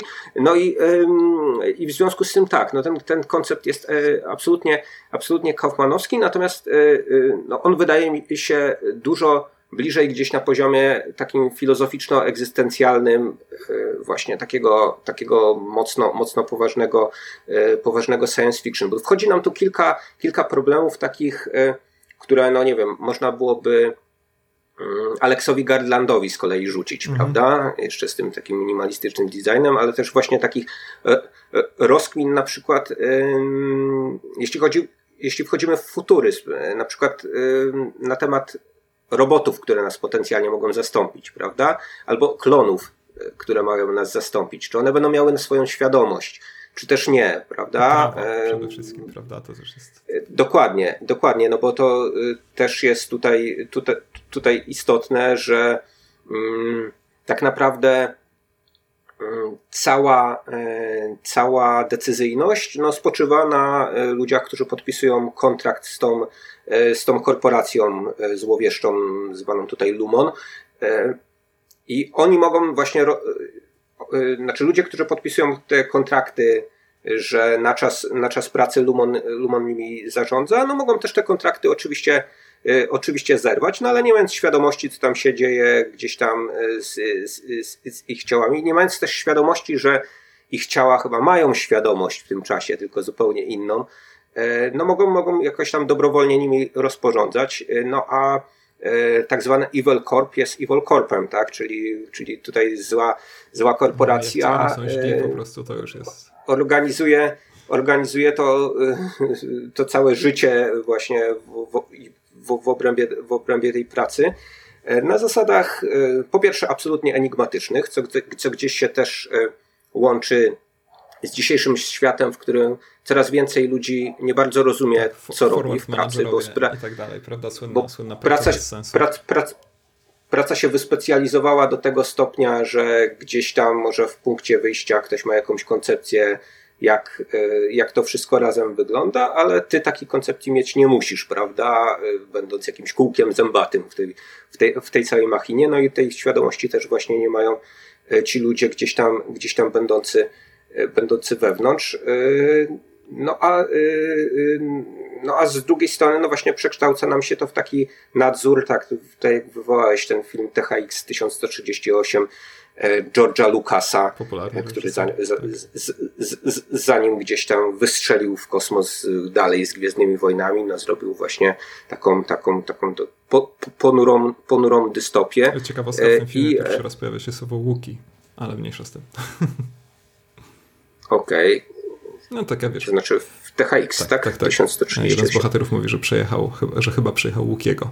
E, miejmy nadzieję, że nie Ciubakę. Ale dobra, dobra, nie chcę cię wytrącać e, z tego flow twojego niemal no już, Znaczy już ci, się, już, ci się udało, natomiast no, chciałem powiedzieć, że ten serial jak nie, nie, niewiele z ostatnio obejrzanych e, produkcji skłonił mnie właśnie gdzieś tam, gdzieś tam mocno do wyjścia poza, poza świat przedstawiony i też właśnie do myślenia o jakichś takich, takich różnych, różnych komponentach, które naszego życia, które już nas dotyczą w tym momencie, a które mogą, e, mo, mogą za moment. Więc tutaj wracam do tego mojego chwalenia z samego, samego początku, że jako, jako udane science fiction, no właśnie on e, jest opowieścią o tu i teraz i opowieścią o tym, co, e, co, co, co za chwilę. I też, i też daje czas no, do namysłu nad tym wszystkim, bo w przeciwieństwie do wielu, zwłaszcza filmowych dzisiejszych produkcji, mhm. które gdzieś tam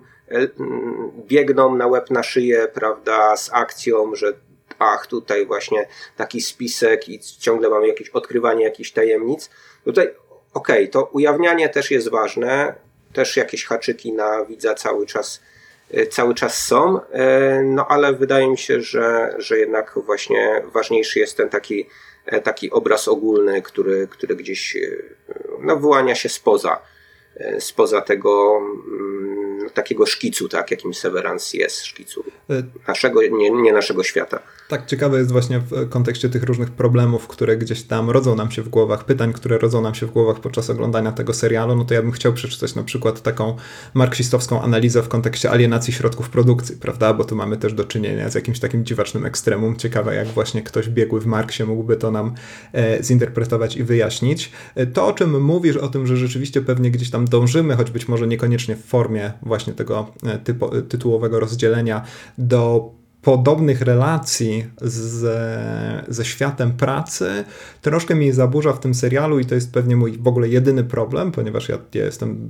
zachwycony Severance, to, że no właśnie tak jak wspomniałeś, ten Lumon to jest takie e, posługując się korporacją z innego serialu e, Evil Corp, prawda, że oni są po prostu tak do głębi źli, że nawet są prawdopodobnie w tym wszystkim jakąś, no nieprawdopodobnie, tylko są też jakąś yy, diaboliczną sektą, prawda, wyznającą swojego założyciela, posługującą się cały czas, powołującą się na różne jego dykteryjki, cytaty z jego pism, odpowiednio enigmatyczne, żeby zapewne można je było zinterpretować i tak dalej. No i też rzeczywiście bohaterowie, żeby zostać rozdzielonym, to jest bardzo ciekawy yy, pomysł, muszą dostać się w odpowiednie miejsce. To rozdzielenie jest tak naprawdę warunkowane geograficznie, to znaczy wchodzą sobie do czegoś, co wygląda jak klasyczny taki modernistyczny budynek jakiejś wielkiej korporacji, po czym zjeżdżają pod ziemię e, i tam dopiero w windzie na zasadzie takiego bardzo fajnego efektu, trochę vertigo, trochę coś innego, e, nagle zostają oddzieleni od tego swojego zewnętrznego ja. No raczej chyba zmierzamy do takich czasów, a właściwie już do nich dotarliśmy, kiedy korporacje no w żaden sposób nie starają się być złowrogie, e, a w każdym razie nie chcą sprawiać takiego wrażenia.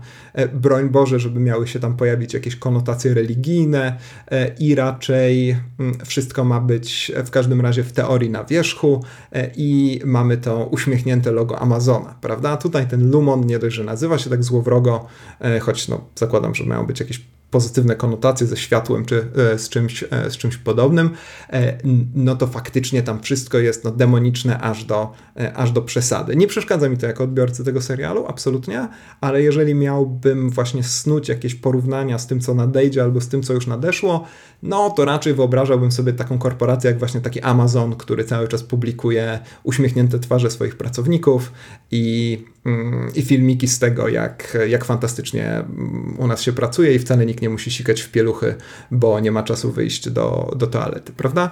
Więc złowrogość tej korporacji to jest okay. jakiś taki, taki może cień na, na, te, na, na tej całości. Okej, okay, no ja nigdy, ja, ja, nigdy nie pracowałem w Amazonie ani w żadnym z tych innych właśnie takich wielkich, e, mniej lub bardziej evil korpów, e, dlatego też e, nie wiem, czy pracownicy tam są przyuczani do tego, żeby cytować Jeffa Bezosa, ale on chyba nie ma wiele sens sensownego do powiedzenia, więc, więc, więc, więc, więc może nie, ale, do, po, ale podejrzewałbym, że, y, że na przykład pracownicy Tesli, Ilona Maska czy jakiegoś SpaceXa y, już mogą takie rzeczy robić, tak, prawda? Tak, tak, Bo, nie, no, jasne, y, jest ten kult jednostki, to absolutnie się mhm. zgadzam, tylko mm, cała rzeczywiście taka ekstremalna diaboliczność tego wszystkiego.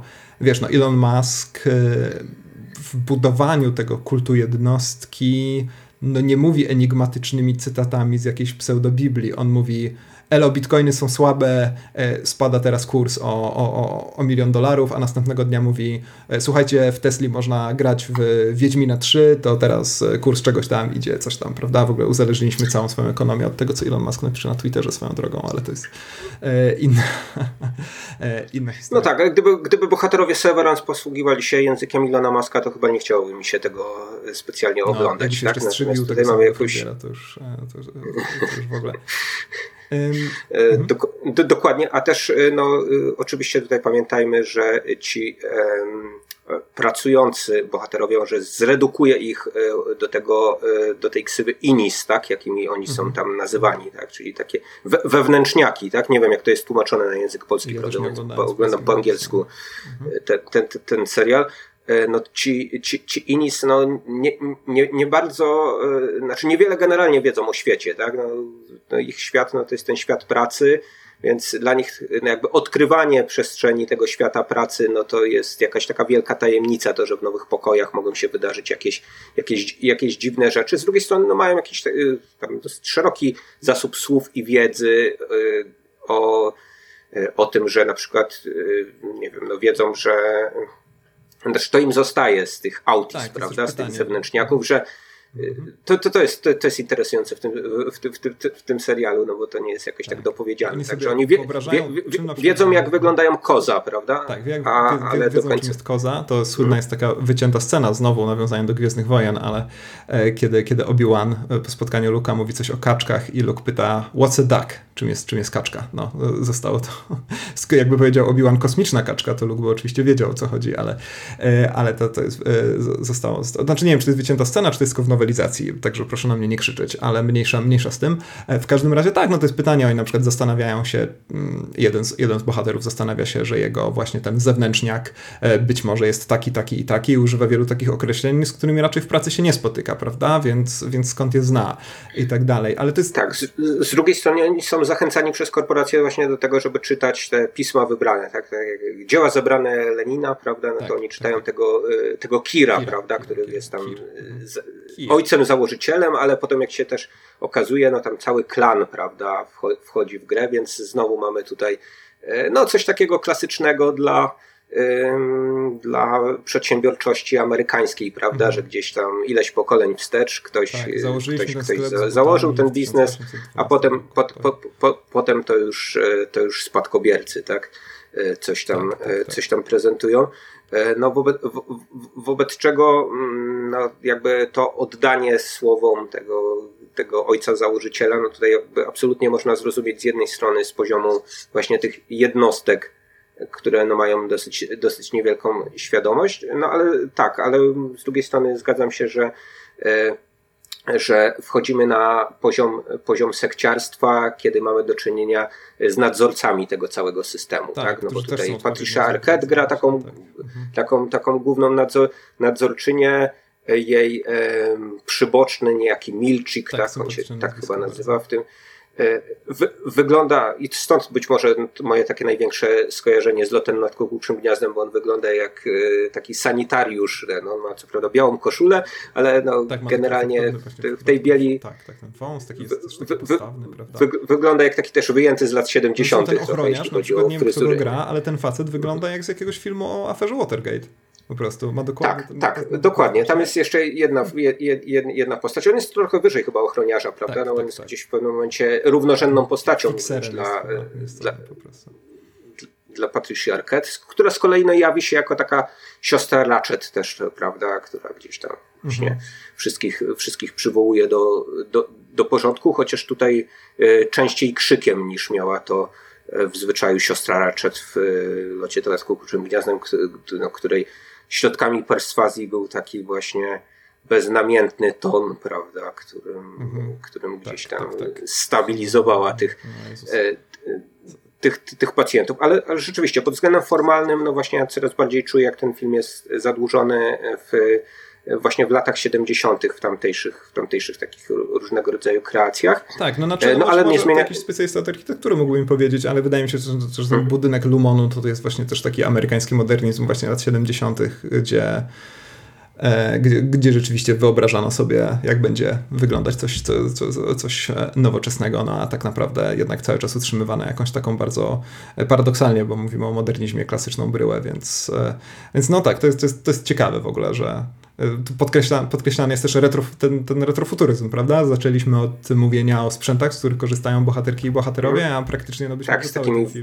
wypukłymi klawi, e, klawiaturami, prawda? Tak, tak, tak. Jakimiś takimi właśnie, e, trochę jak też e, z Odysei Kosmicznej y, Kubricka niektóre takie obłe przedmioty, tutaj zamiast myszy mamy, tak? Prawie tak, no to... coś, coś mhm. takiego, co mi, co mi gdzieś odsyłało do, y, do właśnie przede wszystkim Odysei Kosmicznej, do tego typu designu, tak? Albo nawet do mechanicznej pomarańczy Kubricka też się jakieś takie podobne elementy, takie, no, to są... takie półokrągłe tak, rzeczywiście. I, I, tematycznie też ten film w jakiś sposób właśnie jest, y, jest bardzo mocno zanurzony właśnie w tej takiej paranoi związanej właśnie z całkowitą kontrolą, z tym, że tracisz władzę nad własnym ciałem, że ktoś przejmuje właśnie zupełnie dosłownie połowę twojego mózgu, prawda? Rozpoczyna się też ta taka dynamiczna korporacyjna Ameryka i właśnie co jeżeli to właśnie powoli zaczyna się przelewać po prostu na całe, całe, całe twoje życie, prawda? To jest e, rzeczywiście bardzo, e, bardzo ciekawy trop. Tak. Tak, tak. No bo lata 60. no to też właśnie gdzieś tam ekspansja tych, tych korporacji mhm. jeszcze nie takich medialnych, prawda, jak, jak, jak dzisiaj mamy e, gdzieś tam e, oligopol, prawda, e, tych takich na, najpopularniejszych kilku, kilku marek, no ale no już wówczas takie korporacje jak Gulf Western, prawda, no też przejmujące w ogóle stu, studia filmowe, no a z drugiej strony właśnie ekspansja tego thrillera paranoicznego, wywołani przez ciebie wszyscy ludzie prezydenta, tak, e, Syndykat zbrodni, e, e, też świetny film Alana, Alana Pakuli, no to po prostu tak, to gdzieś, gdzieś klimatycznie ten film się, ten serial Severance można byłoby pośród, pośród tamtych produkcji um, umieścić, ale z drugiej strony, no właśnie wciąż no on, jest, on jest gdzieś tam bardzo, bardzo aktualny pod względem, pod względem tego, no, co być może za, za moment będziemy wyprawiać e, ze swoim, e, ze swoim umysłem. No bo też zastanawiałem się, e, czy ten, czy ten serial no, można by gdzieś się traktować jako serial trochę opowiadający o tym, jak na przykład współczesna farmakologia i medycyna też wykorzystuje to E, to jak żyjemy, prawda, do gdzieś tam sterowania właśnie naszą większą aktywnością bądź mniejszą aktywnością. Nie mówię tylko o jakichś tam pigułkach na, e, na lepszy sen, prawda? No, ale... Które umożliwiają też... zaśnięcie, ale też takich, które poprawiają nastrój albo poprawiają koncentrację i tak dalej. Też jest sw... produktywność. Tak, swe, swego, rodzaju, swego rodzaju eksperymentowanie na naszych umysłach, prawda? No tu oczywiście jak, jak na dobre science fiction przystało, to mamy to gdzieś popchnięte dalej, prawda? No tak, tak, no to jest właśnie taki prosty pomysł, który jest popchnięty do ekstremum, na którym właśnie większość naj, najlepszych science fiction e, jest zwykle oparta. Tak, no to jest bardzo ciekawe, że ten serial właśnie, tak, tak, tak, on komentuje tę naszą właśnie dążenie do właśnie z jednej strony oddzielenia pracy i życia, a z drugiej wręcz przeciwnie, prawda? Bo tak naprawdę podjęcia jakiejś ogromnej decyzji podporządkowania w gruncie rzeczy także swojego zdrowia, swojej stabilności psychicznej być może, bo to przecież też jest eksperyment właśnie produktywności, prawda? Jak e, słuchamy sobie właśnie o kolejnych jakichś tam gwiazdach Doliny Krzemowej, które gdzieś tam mikrodawkują LSD czy, czy, czy, czy, czy, czy psylocybinę e, po to właśnie, żeby być bardziej kreatywnym, być bardziej produktywnym, łykają właśnie jakieś przeróżne suplementy, których nazw tutaj nawet na szczęście zresztą nie przywołam, no i wszystko zawsze jest podporządkowane temu, żeby było lepiej wyżej, mocniej, dalej e, i przede wszystkim bardziej produktywnie. No to tutaj dochodzimy już rzeczywiście. I, i ciekawe bardzo jest to właśnie, o czym mówisz, o tym zwiększeniu koncentracji, prawda, gdzie ja wchodzę sobie do tego Rosmana, prawda, e, Rosmana twojego ciała e, i tam wszędzie widzę po prostu jakieś preparaty z rzęszeniem czy czymś takim i właśnie, wiesz, jest zawsze ten mózg na, narysowany na, na, na butelce z tabletkami i właśnie obietnica tego, że teraz będę całkowicie, pardon, sfokusowany na zadaniu, nic mnie nie będzie oddzielać. E, no i wiesz, jak można być bardziej skupionym na zadaniu, niż wtedy, kiedy nie masz tak naprawdę nawet myśleć o czymś, co, co, co, co nie jest związane z tym zadaniem, ponieważ do niczego nie wracasz. Nie? To jest. No tak, no masz, ma, ma, masz szereg jakichś instrumentów dzisiaj, które mają ci ograniczać prokrastynację, prawda? E, nawet z niektórych jakichś takich software'owych komponentów pamiętam, że kiedyś mówiłeś, że korzystałeś, tak? Do, że, rzeczywiście do że, dzisiaj korzystam, tak. Jacek Dukaj to polecał w jakimś wywiadzie, więc stwierdziłem, mhm. o, ale nie napisałem jeszcze 15 książek, więc e, chyba, chyba to polecenie nie do końca się sprawdziło. E, no tak, ale to też wynika właśnie z tego, że ja podobnie jak ty wykorzystuję komputer zarówno, wiesz, good screen i bad screen to jest dla mnie ten sam screen, bo, bo rzeczywiście wykorzystuję go zarówno do pracy, jak i do jakiegoś, do, do oglądania kotów na YouTubie, prawda? Więc takie mhm. przynajmniej um, umowne jakieś takie prowizoryczne oddzielenie tutaj, tu, tutaj staram, staram się zachować. Słuchaj, my. Tak, ale, to, ale właśnie to oddzielenie jest coraz trudniejsze też ze względu na to, że właśnie rośnie dysonans nam pomiędzy, e, tak jak mówisz, produktywnością, ale która jest e, oparta na indywidualizacji pracy, na wyspecjalizowaniu, prawda? Więc musisz być, e, powinieneś być skoncentrowany na swojej robocie, na czymś bardzo zamkniętym, na swoim, powiedzmy, projekcie, mhm. tak jakkolwiek to nazwiesz, który musi zostać zakończony w godzinach pracy. A po godzinach pracy z kolei oferta, że tak powiem, medialno-społeczna jest taka, że powinieneś doświadczać jak najwięcej, prawda? Bodźców z, różne, z różnego typu stron, y, że powinieneś mieć cały czas te endorfiny pląsające z tego względu, że, że tutaj y, raz, y, raz sobie jeździsz na snowboardzie, prawda? Innym razem latasz na paralotni, ale jeszcze innym, czas, innym razem grasz w jakąś tam super grę, najlepiej wirtualnej rzeczywistości i tak dalej. Jakby zanurzasz się w oceanie jakby tysiąca doznań, który który y, no, jest czymś zupełnie innym od tego strumyka, prawda, który przez 8 godzin masz tam niby codziennie, który musi, ma, ma, masz jechać prosto, prosto do przodu. I może dlatego wasze, właśnie nasze, na, na, nasze mózgi y, eksplodują i dlatego E, no tutaj, to, tutaj ten koncept jest tak, tak też szczególnie, szczególnie przejmujący. Tak, stąd e, ta wieloletnia popularność slow cinema, prawda? Im mniej bodźców, tymczasem e, paradoksalnie, może nie paradoksalnie, ale dla niektórych zaskakująco lepiej. Mm, Michał, my obaj mamy jakieś takie skromne, ale jednak doświadczenia z pracą na etat, tak od 9 do 17. To co, oddzieliłbyś się? E, no nie, absolutnie. To znaczy, jakby to nie potrzebuję tego serialu, żeby mnie przestrzegał przed tak. takimi rzeczami. E, to znaczy, generalnie jednym z, e, z, z moich lęków takich podstawowych, nie mam jakichś specjalnie daleko posuniętych fobii i tak dalej, no ale jednym z takich lęków jest generalnie mm, no, zniewolenie mnie w jakikolwiek sposób, tak? To znaczy, mówię o takim czysto, czysto fizycznym, na przykład właśnie z, z zamknięciu w jakiejś formie tego, więzienia, prawda? Michał ma teraz folię na głowie, bo się boi, że go kontrolują. I nie tylko na głowie. Nie widzisz moich nóg na przykład w tym momencie. No, ale, ale tutaj w ogóle o, o, oddanie nawet takiej części swojej, swojej świadomości e, w inne ręce to nie musi być Evil Core, to ktokolwiek, no nawet, nawet tobie bym, przepraszam, nie powierzył. No to szkoda, trochę inaczej się tam z moim z, z, z, umysłem zrobił przez 15 minut na przykład, tak pewnie byś tam jakieś wplut, yy, dziwne, dziwne rzeczy, jak Johnemu Mnemonikowi być, nie wiem, wsadził jakiegoś pendrive'a do głowy, wykasował mi e, wszystkie mecze piłkarskie, a zamiast tego wrzucił informacje na temat Gwiezdnych Wojen i tatuaży, więc, tak, no są, więc nie, nie, nie, nigdy, nigdy. rzeczy, jakie, jakie mnie interesują. E, to, co jest bardzo ciekawe, ja od razu powiem, że wydaje mi się, że to, co też podczas mojej pracy na etat gdzieś tam trzymało mnie przy życiu, to było raczej myślenie o tym, co sobie zrobię, jak wreszcie wrócę do domu, więc e, e, myślę, że jest to, jest to także dla mnie pomysł jakiś, e, jakiś głęboko absurdalny. No ciekawe właśnie bardzo są te relacje pomiędzy tą wewnętrznym ja, a tym zewnętrznym ja.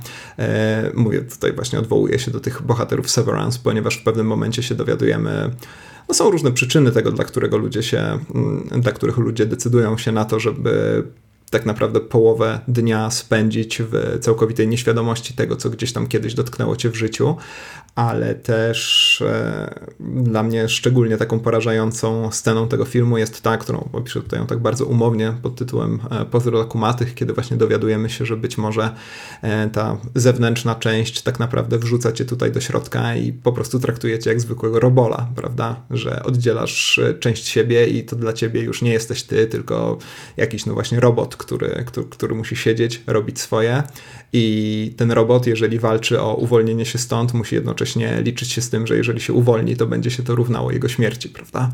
To jest no, za każdym razem tak naprawdę, kiedy oglądasz kolejny odcinek tego serialu i ułożysz, i usiłujesz sobie ułożyć e, nawet takie podstawowe fabularne kwestie, to musisz myśleć, e, która część mózgu danej bohaterki czy bohatera akurat co wie, jakie są relacje między nimi i tak naprawdę ten serial ma być może dwa razy więcej bohaterów niż, niż wskazywałoby na to e, lista, lista płac na, na końcu każdego odcinka. Tak, oczywiście. No, tutaj to, to, tego rozdzielenia no, w zasadzie mm, doświadczamy, ja mówię po tych, po tych sześciu odcinkach, które no, mogliśmy obejrzeć, y, w zasadzie doświadczamy y, na poziomie tylko tego jednego bohatera, tak? Y, Marka Skauta. No, jego otaczają postaci, które widzimy też czasami w jakby tych dwóch, dwóch fazach swojej egzystencji.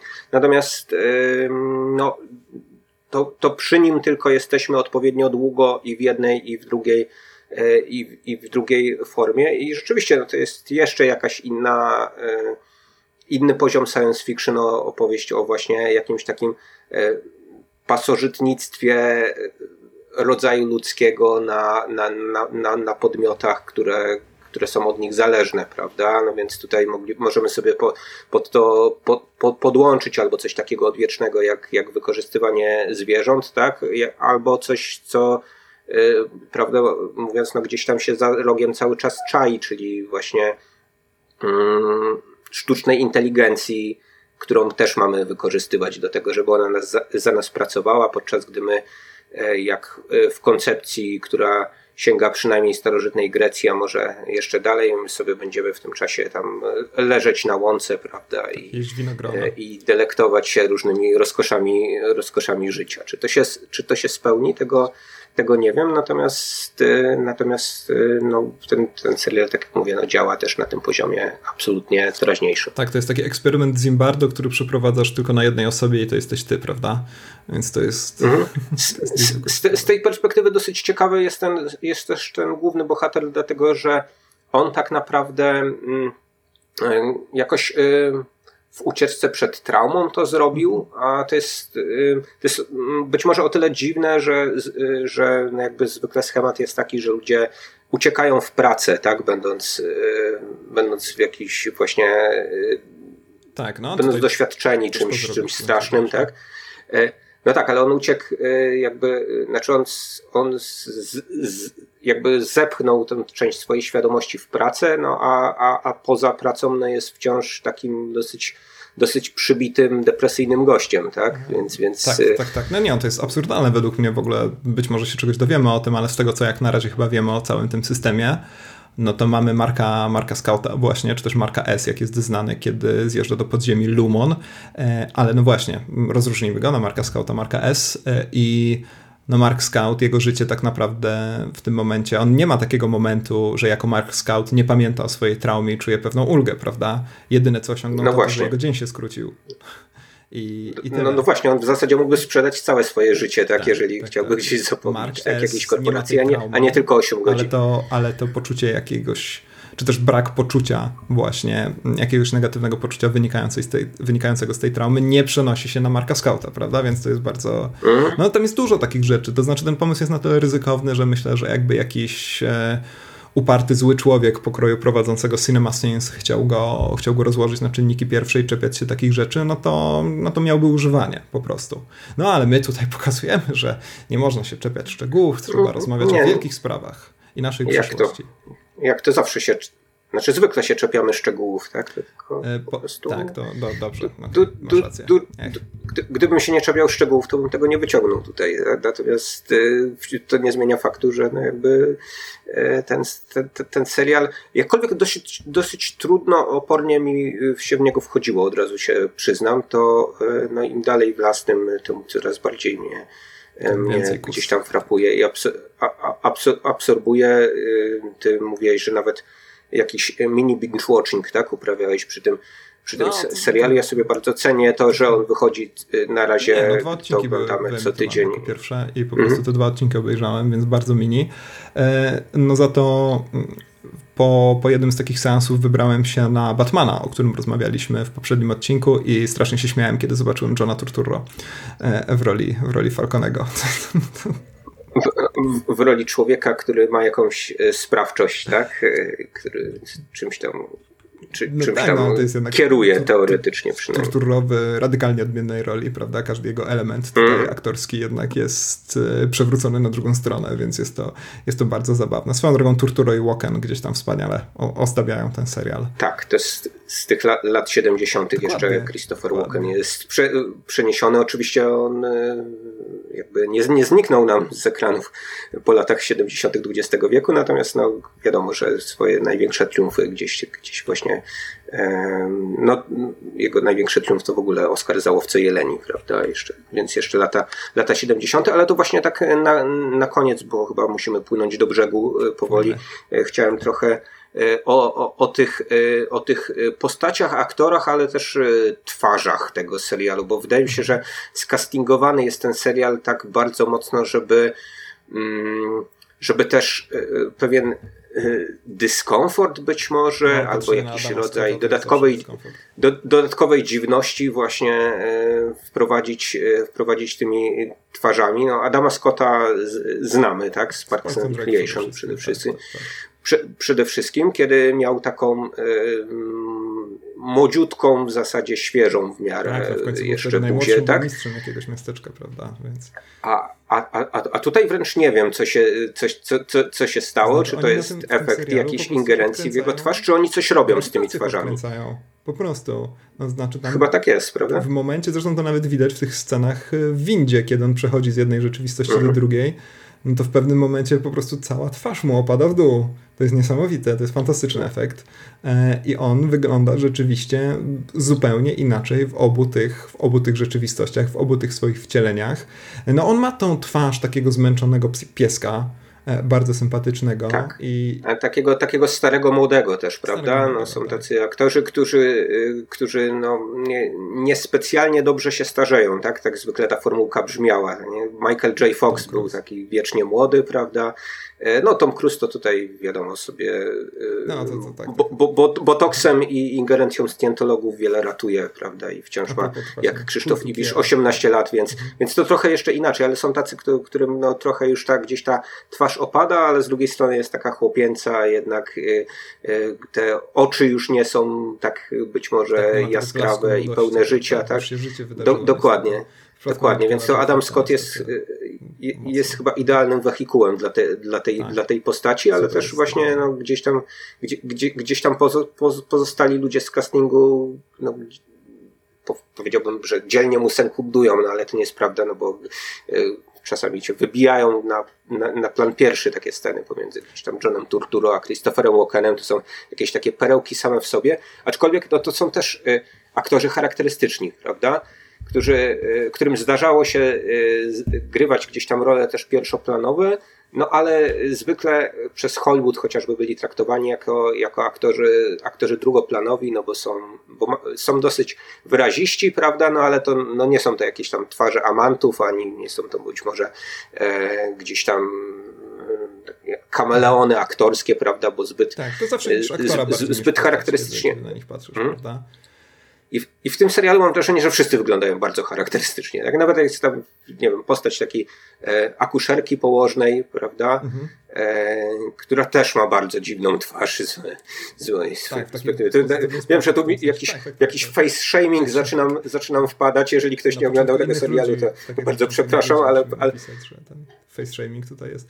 Nie, tak, chodzi tak, o tak zwaną trzeba, twarz interesującą, prawda? Która u aktorki czy aktora mhm. zwykle jest e, raczej zaletą niż, e, niż wadą, choć może rzeczywiście skutkować jakimś takim zaszufladkowaniem w tak zwanych rolach charakterystycznych. No ja czekam, mm, aż zobaczymy tych e, aktorów wcielających się w pracowników Lumonu czy Lumona, aż zobaczymy ich w ich wersji zewnętrznej.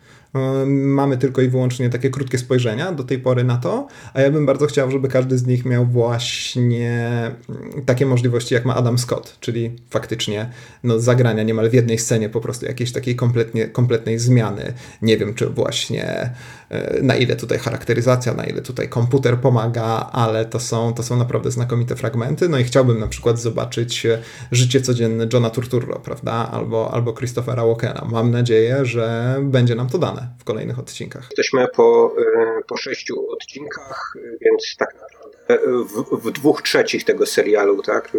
Tak, mam, tak, tak. A już tak sobie w międzyczasie słyszałem, że zapowiedziany jest e, drugi sezon. Oj, to źle. To już nie czekam tak bardzo na film. To z, zapowiada, więc no, ja z drugiej strony się cieszę, bo to chyba oznacza, że jakimś, jakąś oglądalnością ten serial się cieszy. Nie wiem, jak tam generalnie z oglądalnością Apple'a, który jednak mocną ekspansję zrobił w tym, no tak, w tym roku tak. w porównaniu z poprzednimi latami. I zaczyna oferować. Mhm. Nie, ale z, y, z, zaczyna też oferować jakieś takie, y, nawet jeśli nie do końca spełnione y, projekty, to, to przynajmniej interesujące pod względem nazwisk, jakiejś tam koncepcji, tak, to nie, nie, nie, nie poszli w jakąś taką zupełną z, z, zupełną masówkę. Chociaż być może no, nie, nie, nie, śledzę, nie śledzę ich oferty y, w pełni, tylko no, starają się być jakimś takim portalem jakościowym, tak mi się wydaje. Mieli chociażby tragedię Macbeta, tak? A, tak, jeszcze, jeszcze ciągle Joela też. E, no to trzymamy, trzymamy kciuki za, za Apple. Broń Boże, żebyście sobie coś nie poradzili, słodka droga korporacja.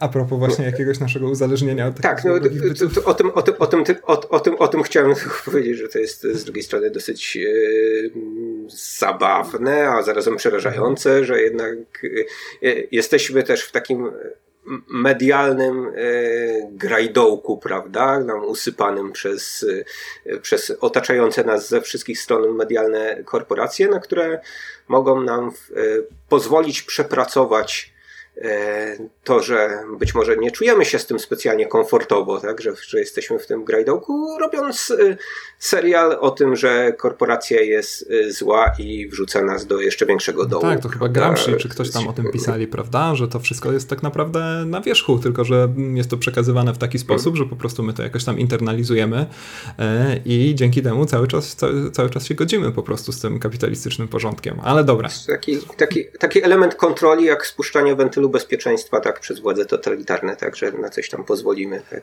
możecie sobie, możecie sobie pooglądać o tym, że, że, że, że tutaj jest źle, albo gdzieś tam tak, dalej. Serial o złej korporacji, ale to inna lepiej. korporacja, prawda, więc... Dokładnie, to, to, to Elon Musk, to nie my. To nie my, tak jest. E tak, swoją drogą to też jest ciekawe, no bo HBO na przykład e, Max e, wypuściło ten swój serial Made for Love chociażby, który u nas nazywa się Stworzona do miłości e, i on też właśnie bardzo mocno opowiada o pewnym uzależnieniu od technologii, jednocześnie właśnie będąc emitowanym na wszystkich możliwych platformach HBO i tak dalej, więc jest to dość, dość zabawne, ale z tym faktycznie musimy już musimy się pogodzić i gdzieś tam po prostu mm, samemu narzucać pewne ograniczenia mentalne, żeby gdzieś tam całkowicie się temu nie poddać. Michał, musimy jeszcze nagrać intro, mm, kulisy kuchni, kuchni, e, więc, e, więc myślę, że musimy się pożegnać z naszymi drogimi słuchaczami i słuchaczkami. W sensie jeszcze będziemy do nich mówić z intra, ale oni to usłyszą najpierw, no więc, no, więc... E, dobrze, Pamiętajcie, że żegnamy, zachęcamy no, do... Dobrze. Do komentowania. Piszcie, tak, co myślicie o hip-hopie. o tym serialu i o nas różnym ludziom. Tak, piszcie co, e, piszcie czy... Wklejajcie, e, wklejajcie okładki zeszytów do religii. Tak i przede wszystkim, tak to jest najważniejsze, bardzo prosimy, żebyście wklejali okładki e, zeszytów do religii. Do zobaczenia, do usłyszenia, pa pa. pa. Sayonara żółwie.